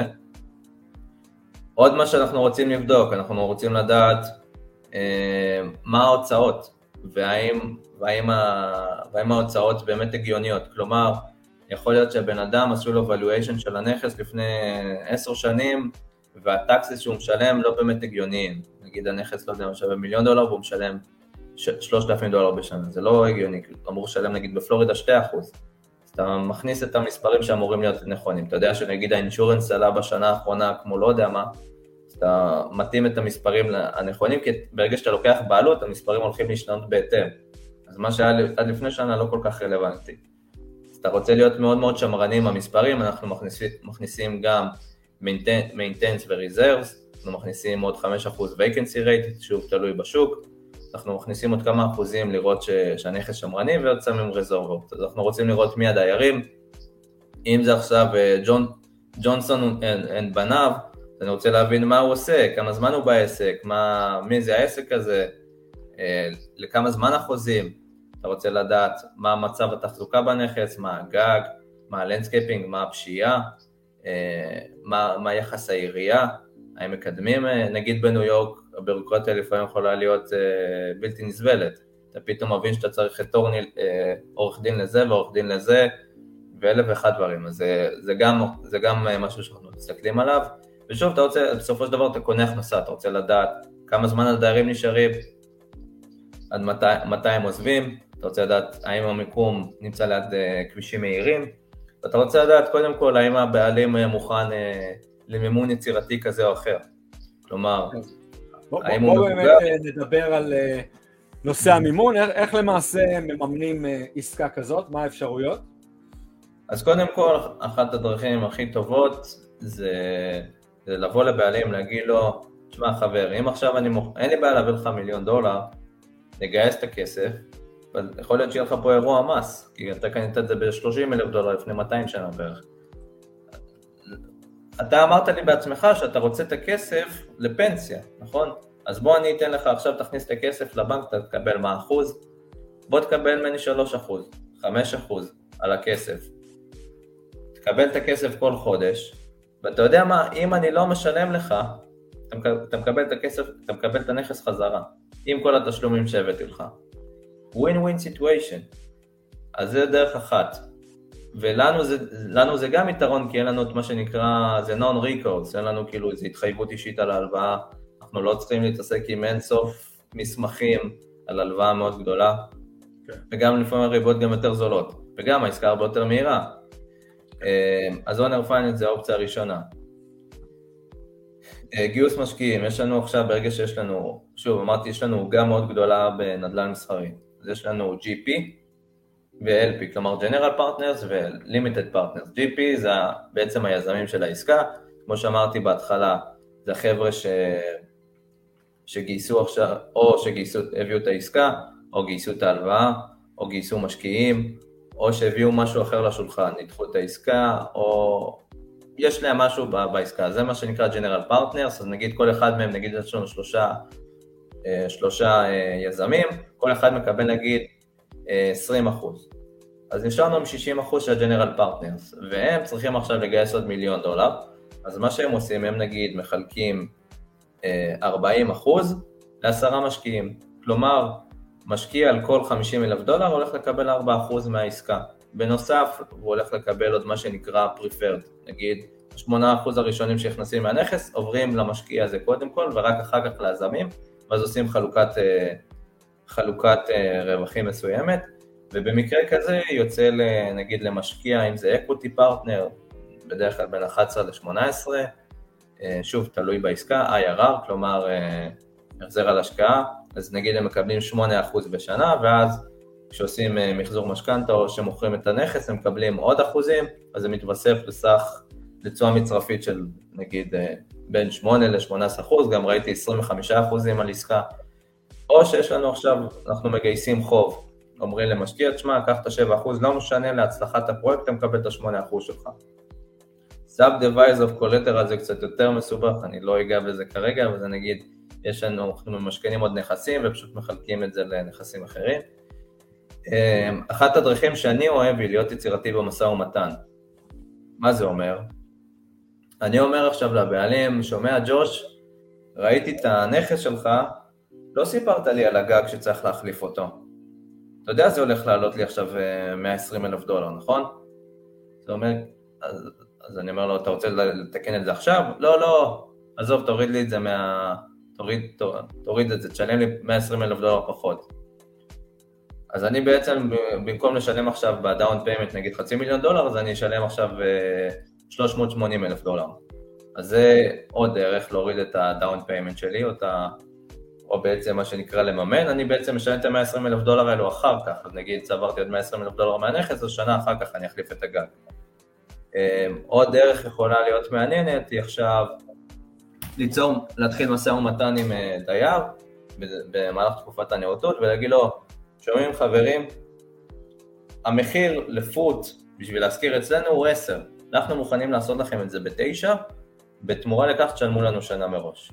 ואז נגיד הם מביאים לי צ'ק של 200 אלף דולר, זה משמש אותי ל down payment. זה עוד דרך יצירתית. יש לנו גם master lease, וגם wholesaling זה אחת האסטרטגיות, או פשוט להיכנס כמשקיע של LP ולהיכנס לתחום וללמוד על זה. זה אחת האסטרטגיות. שוב, יש אינסוף, הנקודה היא שברגע שתבינו מה הלמה שלכם, אתם תמצאו כל איך, אה, וגם פשוט תמצאו עסקה מגניבה, תביאו אותה למישהו אחר, ותרוויחו מזה אחלה של עמלה, גם אחלה אסטרטגיה. מי שמחזיק בעסקה הוא בסופו של דבר השולט, כן. יפה, אז באמת ב... נראה לי סיכמנו בצורה יפה, סיכמת בצורה יפה את, ה... את הנושא הזה. ובפוסט הבא שלך למעשה אתה מדבר על איך להשתמש בסעיף ארוחת סטייק במשא ומתן הבא שלכם אה, ואתה מספר פה באמת על איזשהו מקרה של אה, חברה שהיה איזשהו אה, סכסוך והגיעו ל-win-win situation, אז בוא, בוא באמת תספר לנו ככה קצת את הסיפור שמאחורי זה. אני בגישה שלי שאנחנו בסופו של דבר עושים עסקים עם אנשים, וככל שנבנה קרבה עם אנשים, נראה שאנחנו אנשים כנים, רגישים, אמפתיים, אנחנו א' נוכל למצוא את הכאב ואת הסיבה שלהם, וב' אנחנו נוכל, אנחנו נוכל למצוא פתרון. ולפעמים יש, יש הרבה רגעים קטנים שאנחנו לקראת פיצוץ, נגיד במשא ומתן. ואז אתה אומר, אוקיי, בוא נמצא, בוא נראה איך מוציאים מה, מהלימון לימונדה. נגיד במקרה הזה שהוספתי, זה היה איזה יזם, ש, שיש לו חברת סושיאל מדיה, והוא משתמש בספקים על מנת אה, לשווק ולמכור את הקורסים שלו. ובכל מכירה של קורס יש לך עמלת אשראי של נגיד 2%. אז, אה, אז, אז הספק אמר, לא, מה פתאום, אני לא מוכן, זה עליך. ואז ריין אמר, לא, למה, אבל אתה מקבל ככה, למה זה, תספוג את זה אתה, אתה, אתה, אתה, אתה, אתה. עמדו לקראת פיצוץ של העסקה, ואז בסוף ריין אמר, אתה יודע מה? עליי, אבל בתנאי אחד. פעם ברבעון, אתה לוקח שתיים מהספקים, שתיים מהעובדים שלי לארוחת סטייק. ארוחת סטייק שתעלה איזה 400 דולר. זה עליך. אני מוכן לספוג פה את האלפי דולרים אה, עמלה, אבל פעם ברבעון. אז מה קרה פה? מהצד אתה אומר, מה איזה פראייר אתה? אבל מה שהוא הרוויח, הרוויח פה, הרוויח פה קשרים שיצרו לו נטוורקינג רחב, והספק הזה קישר אותו לעוד כל מיני יזמים, ויצר לו עוד הזדמנויות, והקימו עוד דברים. ולפעמים ההסתכלות, ההסתכלות שלנו צריכה להיות יותר לטווח אה, רחוק, על הקשרים שלנו, ולראות איך אפשר להציל את המצב בכל זאת. אז זה סתם דוגמה לדרך אחת יצירתית. אה, עוד דרכים שאני מאוד מאוד מאמין בהם, אני עובד לפי עקרונות, יש לנו מן הסתם את הסקריפטים, והסקריפט שנגיד גל מלמד אותנו, שבסופו של דבר להבין ש, ש, שצריך למצוא את המוטיבציה של הבן אדם ולהבין אם המחיר שלו מתאים, או, או המצב של הנכס, מה קורה איתו, או מה הסיבה שלו, אה, או, או האם הוא לחוץ בכסף, אבל בנוסף לאלו אני מאמין בעקרונות, שכל שיחה שיש לנו, גם אם עכשיו זה עם הבת זוג, הדבר הכי טוב שאנחנו יכולים לעשות זה להקשיב. אם עכשיו אני נכנס עצבני לשיחה, ואתה נכנס לעצבני לשיחה, אני אשמח הרבה יותר להקשיב למה שיש לך אחרי שאתה תקשיב לי. אתה יודע, אני בארצות הברית, אה, הגעתי לארצות הברית לא עכשיו עם אנגלית מטורפת, והייתי מתבאס, הגעתי לכנסי נטוורקינג, נגיד של נדל"ן, לא עשיתי כלום עם החיים שלי, ואתה כולך מעניין כזה, ואתה רוצה לדבר עם אנשים, אתה רוצה להרגיש טוב עם עצמך, אתה רוצה להכיר עוד אנשים, ואין לך מה לדבר, אה, אני עשיתי עסקה ככה, ואני סגרתי עסקה ככה, והבנתי שהדבר הכי טוב זה להקשיב. ואז אתה מסיים, אתה מדבר עם בן אדם שעה, הוא אפילו לא יודע מה השם שלך, מדבר על עצמו שעות. אתה יודע, אה, יש משפט יפה שאומר, אה, דבר עם אדם על אודותיו, הוא יאזין לכך במשך שעות. ו... ו... אנשים אוהבים לחלוק.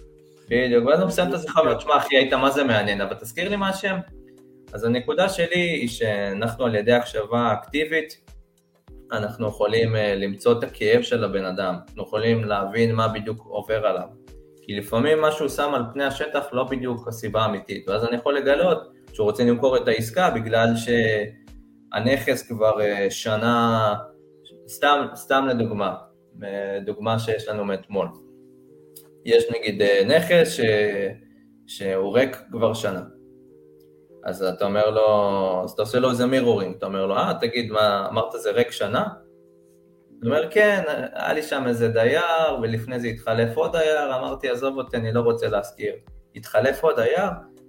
כן, אל תשאל, זה כבר הדייר החמישי שלי בשנתיים, שיגעו אותי, אתה לא מבין איך הוא הרס לי את הבית. הרס לך את הבית? כן, שבר לי, הייתי צריך לשים אלפיים דולר, ואשתי כעסה עליי, ונפרדנו לאיזה חודשיים, נפרדתם לאיזה חודשיים, אתה בכלל לוקח את זה למקום אחר ואתה מגלה את הסיבה אה, לאט לאט ואתה מפלח את הסיבה ואז אתה אומר לו וואי זה נשמע שממש היה לך קשה הפרידה הזאת ואז אתה מבין את הכאב שלו ואתה יכול לנגן על זה וזה פתרון התנגדויות לא בקטע מניפולטיבי אנוכי כזה, אבל בקטע של, אני אוכל להבין את הבן אדם הרבה יותר טוב, אני אוכל למצוא לו פתרון הרבה יותר טוב, אז אני אוכל להבין... אתה מבין לפעמים, אתה מבין לפעמים שהסיבה היא לא הנכס עצמו, אלא בגלל הפרידה, הוא לא היה לו זמן להתעסק עם דיירים ולהתחיל להחליף דיירים. בדיוק. ברגע שאתה באמת, אה, לא יודע, נגיד אם תקנה את העסקה ותכניס ניהול מקצועי, אה, בלי אה, סממנים אישיים של בעיות אישיות שיש בבית, אז נכון. אין סיבה שהנכס לא ינוהל בצורה נכונה. זאת אומרת, אני מניח ממה שאתה אומר, אתה מבין מהסיפור אם הבעיה היא הנכס עצמו או הרקע של, ה, של הבן אדם, הרקע האישי באותו זמן, שלאו דווקא משפיע על הנכס. בדיוק, בדיוק. ואז אתה רואה פה איזשהו פוטנציאל, ובאמת גם, גם מה שלמדנו במסלול, שהרבה פעמים, אתה יודע, אנשים חושבים למה שבן אדם ימכור את הנכס שלו במחיר מוזל, הרבה פעמים אתה בא ואתה למעשה אה, נותן לו פתרון לבעיה שהוא נמצא בה כרגע, אה, גירושין או, או מצב אישי או בריאותי וכולי, והוא מבחינתו אין לו עכשיו זמן להתעסק עם, ה, עם הנכס. כשאנחנו בריאים ואנחנו אנרגטיים, יש לנו זמן להתעסק עם הכל, עם דיירים בעייתיים וכולי, ופתאום אה, קורה איזשהו משהו בחיים, ופתאום כל הסדרי אה, העדיפויות בחיים משתנות, ואז אתה אומר, וגם גיל, אתה אומר וואלה, נכון, אני משחרר את הנכס הזה. תן לי את הנוחות, בדיוק. כן, ת, ת, תן לי את הנוחות שלי ו... ולא לא רוצה להתעסק עם זה באמת. אז אתה אומר שהקשבה, אין ספק, זה דבר אה, מאוד מאוד חשוב, הקשבה פעילה. זאת אומרת, נכון. באמת לנסות להבין מה, מה הבן אדם אומר, וכמובן לזכור את השם שלו, שבסוף כשאתה אומר לו תודה, נכון. אנשים אוהבים לשמוע את השם שלהם, זה חובה להגיד את זה כמה שיותר. כן. יש, אתה יודע, עוד כל מיני ניואנסים קטנים, שנגיד, אה, במקום להגיד, אה, אה, אוקיי, sign me on the contract, תגיד לי, אוקיי, just put okay on the, on the agreement. אנשים לא אוהבים את המילה contract, אז יש כל מיני ניואנסים קטנים במשא ומתן שהם גם חשובים מבחינה פסיכולוגית. אני מאוד מאמין ש... אתה יודע, אתה יכול לנגן לו על הכאב, פתאום הוא אומר לך, תשמע, הדייר שלי, אין, הנכס, הדייר כבר לא משלם לי חודשיים. אה, הוא לא משלם לך חודשיים? איך זה הרגיש לך? אז שיגע אותי, ולפני זה גם חצי שנה לפני הוא לא שילם. אה, ומה אתה אומר, חודש הבא הוא ישלם לך? לא, לא נראה לי. אה, בעוד שלושה חודשים זה בטח ישתנה, לא? אז אתה מנגן על הכאב הזה גם בנושא של timeline כזה, זה בכלל, אה, כן. אפשר, אפשר לעשות עם זה דברים יפים. ויש פה כל מיני נושאים, אה, כל מיני נושאים פסיכולוגיים שדיברתי עליהם. לדוגמה, אתה רוצה ליצור איתו, אתה רוצה ליצור תחושה שהבן אדם מקבל את, ה, את ההחלטה איתך. מה זה אומר? אתה שואל אותו, אחד הדברים שאני אוהב לשאול זה How can I do that? אני אומר להם, נגיד במשא ומתן, אני אומר להם, אוקיי, זה א', ב', ג', ד' הדברים שאני מתייחס אליהם, אבל How can I do that in your number? ואז, ואז, הוא, ואז הוא מרגיש שליטה, כי הוא בא לעזור לי, הוא מרגיש שליטה, ואז הוא חושב איתי ביחד על פתרון. לא אני נותן לו את הפתרון, הוא חושב איתי. ברגע שזה בא ממנו למעשה, אז אתה אומר, אה, אוקיי, אז כאילו אתה שואל אותו, אוקיי, אז מה אתה מציע לעשות? הוא אומר לך כך וכך וכך, נותן לך פתרון, וברגע שהוא הביא את הפתרון, שהוא בא ואומר, אה, נראה לי שאני צריך למכור את הנכס, זה כבר בא ממנו. אתה לא צריך לשכנע אותו למכור את הנכס. כי הוא מבין שהפתרון שלו זה משהו, אה, או להכניס שותף וכולי. ואתה מדבר פה על שנאת ההפסד, פרופסור דניאל כהנמן, שונאים יותר להפסיד מאשר להרוויח. בוא אני אשאל אותך שאלה. עכשיו יש פרסומת בטלוויזיה. אם אתה עכשיו אה, שם נגיד אה, את השבב הזה ב, ב, ב, בבית, אז אתה תחסוך 500 דולר, אתה תרוויח 500 דולר בשנה. אבל אם אני אגיד, אם אתה לא תשים את השבב הזה, אתה תפסיד 500 דולר בשנה, מה יותר יניע אותך לפעולה? אתה לא רוצה להפסיד.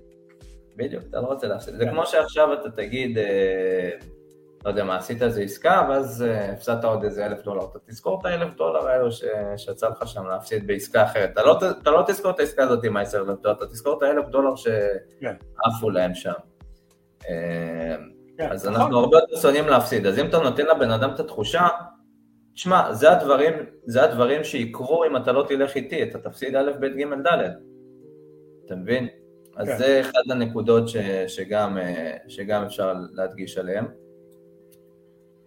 אה, והעולם הזה לא נגמר, אתה יודע, העולם הזה לא נגמר, כאילו, משא ומתן זה, שוב, זה, זה הקשר האישי שאתה יוצר עם הבן אדם. אם אתה תדבר איתו עכשיו, סתם, היה לי משא ומתן עם מישהי, והיא סיפרה לי שההורים שלה חולים, ושסיפרתי לה שאני מישראל, ואמרה לי, וואי, זה כל כך יעזור לי אם תתפלל עליהם בארץ הקודש. בכיף. אני אעשה מצווה, בכיף.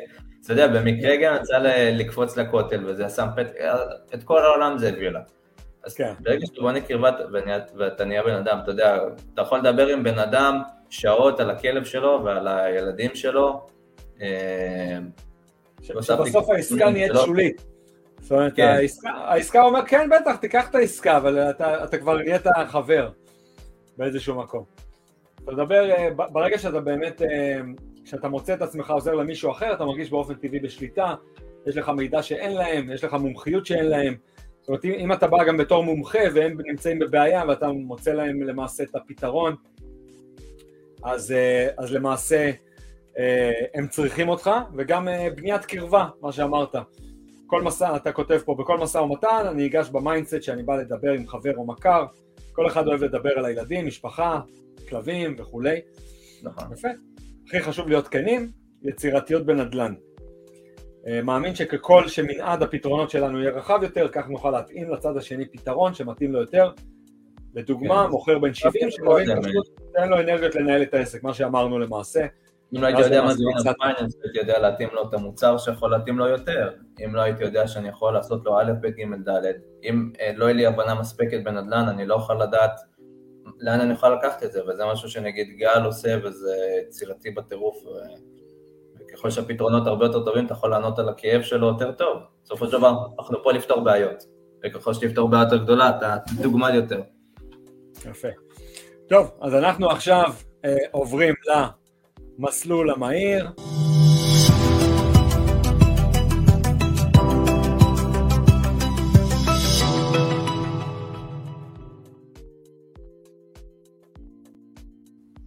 יאללה, בוא ספר לנו ככה על העסקה הכי מוצלחת שהייתה לך.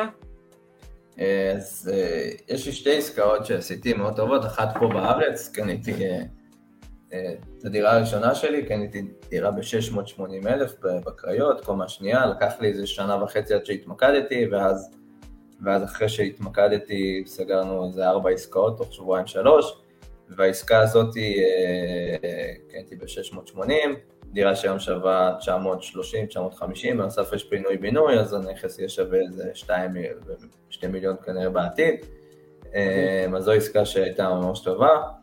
ובארצות הברית העסקה הראשונה שנכנסתי אליה קנינו במיליון תשע והיום הנכס אה, הוצע לשלוש שש, לדעתי הוא גם שווה יותר. אה, אז זו עסקה ש, שגם התשואה שוטפת נחמדה וגם אה, אם יהיה ריפאי או מכירה גם יהיה אחלה של, של תשואה. מדהים, מדהים, כן, ראינו את העסקה הזאת פה, באמת סיפרת עליה. ספר שאתה ממליץ על נדל"ן או עסקים, ולמה? אה, אז הספר שאני הכי ממליץ בעולם זה never split the difference, אחד by קריס ווס, הוא היה נושא ומתן הראשי של, אה, של, אה, של ה-FBI, וכל ה... זה, זה הספר הכי פרקטי שקראתי בחיים שלי, הוא לא רק לנדל"ן ועל עסקים, הוא פשוט לכל דבר בחיים, הוא מלמד אותך על משא ומתן ודרכים פרקטיות, והפוסט האחרון שלי על משא ומתן בעיקר מבוסס על הספר שלו. לי באופן אישי הוא הכי הרבה עזר, כי אני פוגש אותי, זה פוגש אותי ביום יום. אה, ועוד ספרים טובים, זה חשוב והתעשר, Profit First וכן הלאה. אז מה, מה באמת uh, התובנות uh, הכי חזקות שקיבלת מ, מהספר שהמלצת, Never Split the Difference? אז התובנה הכי חזקה היא בסופו של דבר שאנחנו uh, מדברים עם בני אדם, אנחנו רוצים לגרום להם תחושת אמפתיה, תחושה של אה, שיתוף פעולה, תחושה של לכל בן אדם יש את הסיבה שלו ועל ידי קרבה ודרכים כאלו ואחרות אני יכול להקשיב לו ולהבין את הצרכים שלו ואז לפתור לו את הבעיה. אז אה, אני יכול להביע איתו הזדהות. אם לדוגמה עכשיו אני גבר שבא להתחיל עם בחורה, אז יהיה הרבה יותר נעים אם אני אבוא ואני אגיד לה, אני יודע שזה נראה קצת מוזר, אני יודע שזה קצת מביך הסיטואציה, אבל הייתי שמח להכיר אותך. הרבה יותר מ... אה, כפרה, מה הולך? אז כאילו, אני בעצם שם labeling, הזדהות על הסיטואציה, אז היא, היא במוח שלה גם משדרת, אוקיי, אני מרגישה קצת יותר בטוחה, הוא מבין אותי קצת. אמ, אותו דבר גם בעסקים, אני מבין שלא, אני מבין שזה out of the blue, אבל, טה טה טה. אמ, אחד הדברים גם שהוא מדבר פה, הוא מדבר על, ה, על הנושא הזה של אה, שלא, לפעמים יכול להיות משקר. מה זה אומר? נגיד אני עכשיו אה, מתקשר אליך, אני איש מכירות, אני רוצה להציע לך עכשיו שירות של אה, כבלים מסוימים. ואז אני אומר לך, תגיד, יש לך דקה? אה, תגיד, יש לך, יש לך דקה? אה, כן, טה טה טה טה טה. ואני יכול למרוח לך את הזמן, למרות, למרות שאמרת לי כן, הכן הזה הוא משקר, כי לא באמת בא לך להיות איתי בשיחה. אבל אם אני אגיד לך, תגיד, זה יהיה חצוף אם אני אקח איזה 30 שניות מהזמן שלך? לא, לא, אחי, בסדר, הכל טוב, אני בדיוק אה, סיימתי שנייה לסיים כלים, ויש לי עוד פגישה עוד חמש דקות, דבר איתי, אחי, הכל טוב. ואז בעצם כשאתה אמרת את הלא, אתה הרגשת תחושת שליטה. אז זה אחד הדברים שגם בעסקים אפשר לעשות, שאתה בעצם אומר, תגיד, זה יהיה חצוף אם אני אשאל אם יש לך עוד, אה, אם יש לך עוד נכסים? לא, לא אחי, זה בסדר, אתה יודע מה האמת שיש לנו משהו. זה קצת מרכך את הבן אדם. אה, בעצם זה שאני יוצר את ההגזמה. תגיד, זה יהיה מביך, תגיד טה-טה-טה, וכן הלאה. יפה. אז אם היית מתחיל עכשיו מאפס, אה, בן כמה אתה עכשיו? 24. 24. אני כבר מתחיל מההתחלה. כן, אוקיי, אתה יודע, זה נראה לפי הפעילויות שאתה עושה כאילו אתה כבר בן 34, אה, אז אה, אוקיי, נחזיר אותך, לא יודע, אה, שבע שנים אחורה. כן. בן 17. מה אתה אומר לברק של גיל 17? מה היית עושה שונה? מה היית עושה לפני? הייתי עושה... הייתי פשוט עושה יותר, הייתי, אתה יודע, אני בגיל צעיר, אני שוב, אני אומר, לדעתי הרעיון הזה של, של נדל"ן ו, וגיל צעיר וטטטה זה מתי נחשפת לרעיונות.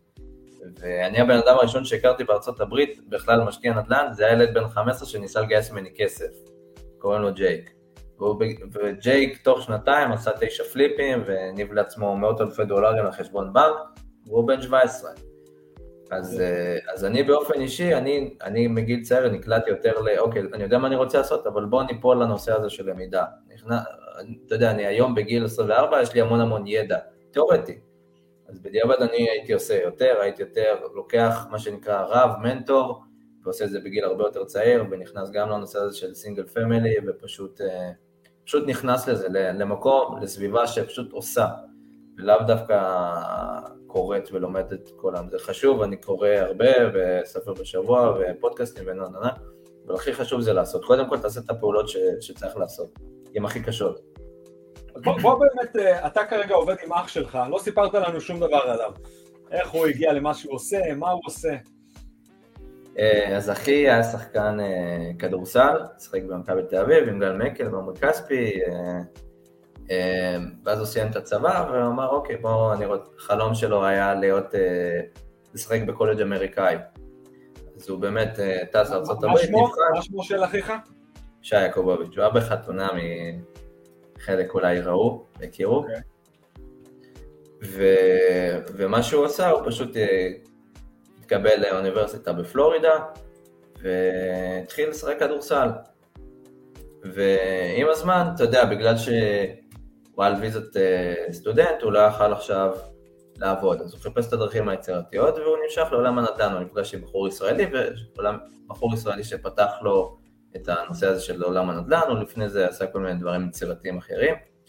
והוא התחיל עם עולם הנדל"ן, אז הוא היה מסיים אימון, ואז אחר כך הולך אה, ללימודים, ואז אחר כך הולך בערב לצבוע את אחת הדירות, ובעצם התחיל עם הפליפים, והתגלגל לאט לאט לאט לאט, ואחרי שהיה לו מספר ספרתי של, אה, של נכסים, הוא פשוט אה, אמר לעצמו, אוקיי, הניהול נהיה מאוד אינטנסיבי בעולם הזה של הרזידנציאל של המגורים, מה הלאה? אז הוא הכיר בחור אחר ישראל, אה, יהודי בשם ג'רד, והוא פתח לו את העולם של הנדל"ן מסחרי. אז הוא נפגש עם, אז הוא הלך לכנסים האלו, של בחור בשם סקוט שיל, והתחיל מהעולם של המסחרי, ו... ומאז אה, התאהב, והוא גם מתמקד בריטל ופלקס אינדסטריאל. וזהו. והיום הוא יותר בשלב שהוא מנסה להעביר גם הלאה כמה שיותר מהידע שלו, מהניסיון, הם אה, עכשיו לקראת החגים אה, מנסים לעשות כמה שיותר שמח לילדים עם מוגבלויות, ושלא נדע, ילדים במחלות ממאירות, ואני חושב שזה הלמה הכי יפה בנדל"ן, שאתה מעביר הלאה. זה, זה מביא אותנו לשאלה הבאה של כלל או כללי הזהב שלך להצלחה בעסקים בנדל"ן. כמו שאני רואה את זה, א', מבחינה פרקטית, בוא נעזוב רגע את הפילוסופי, אני מאמין שיש שלושה דברים שאנחנו יכולים למנף בחיים שלנו, שזה כסף, סושיאל מדיה וקשרים, אז תתמקדו בדברים האלו, לא בקטע אינטרסנטי, אבל עם הזמן זה יבוא יותר ויותר. אז בשביל הצלחה חייב את כל הנושא הזה של סושיאל מדיה ו- ולהבין בכסף ואיך למנף כסף ולהבין uh, uh, וגם לבנות, אתה יודע, your, your, network is, your networking is your net worth, אה, אז זה דרך אחת, ובעולם קצת יותר פילוסופי אני מאמין שהסוד הוא באמת להבין שההצלחה היא לא עבורך, היא עבור אחרים, היא עבור זה שאתה תהיה זה שיהיה הרב שלהם, יהיה המנטור שלהם, אתה תהיה זה שישנה למישהו את החיים, אתה זה שיוכל לתרום לבית חולים ולהציל חיים, אתה זה שיוציא את ההורים שלך לפנסיה. אתה זה שיגרום לבת, לבת זוג שלך לא לעבוד בעבודה שהיא שונאת, או לילדים שלך, יש דבר יותר מדהים אה, מהילדים שלך, אז כאילו, בגש... אני באופן אישי יודע להתפשר במועט, אני באמת, תן לי שלושת אלפים שקל ואני אחיה מזה סבבה, ואני כאילו יודע, אני לא צריך יותר מדי, אני אוהב את האוכל הפשוט, וכמובן שיש לך אנוכיות, אבל אני באופן אישי מתפשר בפשטות, וכל מה שאני בונה כרגע זה בשביל.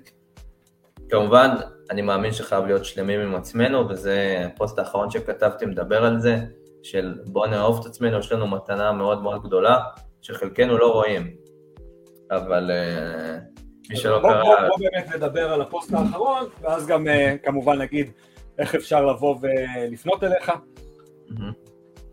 Uh, אז פה הסברתי איך אנחנו מתקדמים לשלב הבא. אז uh, כמו שאמרתי, יש את הנושא הפרקטי הזה שדיברתי עליו, ואני מאמין שהשלב הבא שלנו זה, זה א', לאהוב את עצמנו, להבין שיש לנו מתנה, ולהבין, שוב, כל אחד, ושאני מאמין שלא צריך להסתמך רק על מטרות, אלא דרך חיים. ויש לך מתנה מסוימת, זה יכול להיות, לאו דווקא כבן נדל"ן, יכול להיות בציור, פשוט נדל"ן יכול לעזור לך קצת להתעסק רק בציור, כי יש לך קצת הכנסה, אה, לא הייתי אומר פסיבית לגמרי, אבל הכנסה שלא לא, לא מצליחה יותר מדי שעות עבודה. אה, אז יש לנו איזו מתנה מסוימת, וברגע שאנחנו נבין את זה, אנחנו נוכל להגשים את, את עצמנו קצת יותר, ובנוסף זה מתקשר לנושא הזה של, אה, של הסוד הוא פשוט, הצלחה היא לא עבורנו, היא עבור אחרים. אה, והדבר הבא, אני סיימתי באיזה מדרש יפה שאומר ש...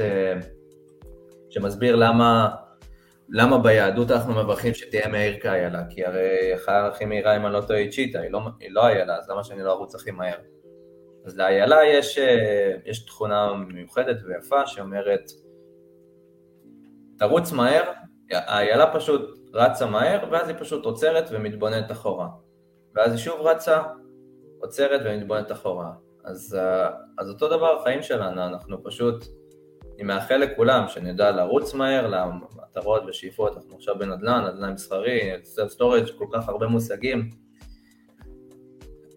אני מאחל לכולם שנרוץ מהר ונשאף ונגשים, אבל עם זאת שנדע רגע לעצור, להעריך, להסתכל רגע, וואי, תחגגו את הניצחונות שלכם. עכשיו, אם מישהו הקשיב לכמעט שעתיים שלנו פה, תגידו תודה, התקדמתם, נרשמתם, התעניינתם במשהו, תחגגו את זה, אתם, אתם, אתם שונים, אתם עושים משהו יפה, אתם מקדמים את עצמכם. תחגגו את זה, תעריכו את החברים, את המשפחה, תדעו לחגוג דברים גם. לא הכל זה רק כסף, כסף, כסף, זה גם לפעמים אפשר uh, לנוח ולטייל וליהנות מהחיים. Uh, וזה, זה, זה ליהנות מהדרך. ליהנות מהדרך, בדיוק. יפה. אז בוא באמת תספר ככה, דבר ראשון, אה, נעמת לנו מאוד, אני למדתי המון, אני בטוח שגם החבר'ה ששמעו אותנו ושישמעו אותנו, אה, לומדים המון, אה, במיוחד על אה, נושאים שקצת פחות מדברים עליהם, מחסנים, נדל"ן מסחרי, הולסיילינג, כל הדברים האלו. מה שאתה עושה עם אחיך נשמע מדהים. אז בוא באמת תספר לנו ככה איך אפשר להגיע אליך, מה, מה אתה עושה ב, ממש ב, בימים אלו. יש לך גם קהילה שנקראת המשקיע העצלן, שאתה נמצא שם, אז בוא באמת תספר לנו. אז uh, יש לי קהילה של משקיע עצלן, נטו, לא אין לנו איזה מותג מאחורי זה, זה נטו, פשוט אני מאמין. הרבה עזרו לי, אני בן 24 וזכיתי להכיר כל כך הרבה אנשים שעזרו לי בלי סיבה. והדבר היחידי שהם ביקשו חזרה זה פשוט, תעביר את זה הלאה. אני מאוד מאמין בנושא הזה של להעביר הלאה, זה, זה הפלטפורמה שלי להעביר הלאה. Uh, בנוסף, יש לי חברה של, אני שותף בחברה של ייעוץ לצמיחה עסקית ופיננסית. אנחנו עושים כמה, גם דברים מעניינים, עוזרים לעסקים. ובנוסף יש לי עסק של wholesaling בפנסקולה, ואני באופן אישי גם אה, מאתר עסקאות מסחריות באוהיו, בפלורידה, באינדיאנה, ובנוסף אני פתוח לעוד, לעוד כל מיני שותפויות כאלו ואחרות, אבל באופן כללי זה מה שאני עושה, אני משקיע, בעיקר מתמחה בנדל"ן מסחרי, ב retail ו flex industrial, אה, ויצא לי מהקבוצה הנהדרת הזאת רק עשר פגישות ביומיים האחרונים עם כל מיני אנשים, וזכיתי להכיר ולנסות לעזור, ובאמת יש פה קהילה מדהימה. יפה, אה, יפה מאוד, נראה, כן. נראה סופר מעניין, אני כבר מצטרף. איזה כיף. אה, בכיף. יפה, שמע, אז ממש ממש שמחנו לארח אותך פה. אה, תרמת המון אה, לקבוצה, לנדל"ן ולעניין, עם הפוסטים, סופר מעניינים, סופר מקצועיים, אה, באמת כתובים ברמה מאוד מאוד גבוהה. תודה על כמעט שעתיים שפה לימדת את החבר'ה. אני גם כן לומד מכל מפגש כזה, נהנה מכל מפגש כזה. ואחלה, ניפגש בישראל, בארצות הברית, איפה שלא יהיה. בטוח שיצא לנו עוד להיפגש באחד מפגשי ה networking, וכמובן אה, תמשיך אה, לשתף בפורום, לענות לאנשים, לעזור לאנשים, וכמובן אה, מוזמנים לחפש את ברק יעקובוביץ אצלנו בקבוצה, בפייסבוק, הכי קל למצוא שם, וזהו, שיהיה צום קל, יום כיפור, שנעבור את החגים בשלום. שתהיה שנה טובה. שתהיה שנה טובה וגמר חתימה טובה, והצלחות רבות ועזרה לאחרים, עזרה, אה, כמו שאמרת, תמיד לראות אה, שהמטרה הקדימה זה באמת לעזור לאחרים. תודה רבה על ההשתתפות. תודה לך ליאור, תודה לכולם. להתראות, ביי ביי. תודה, ביי ביי.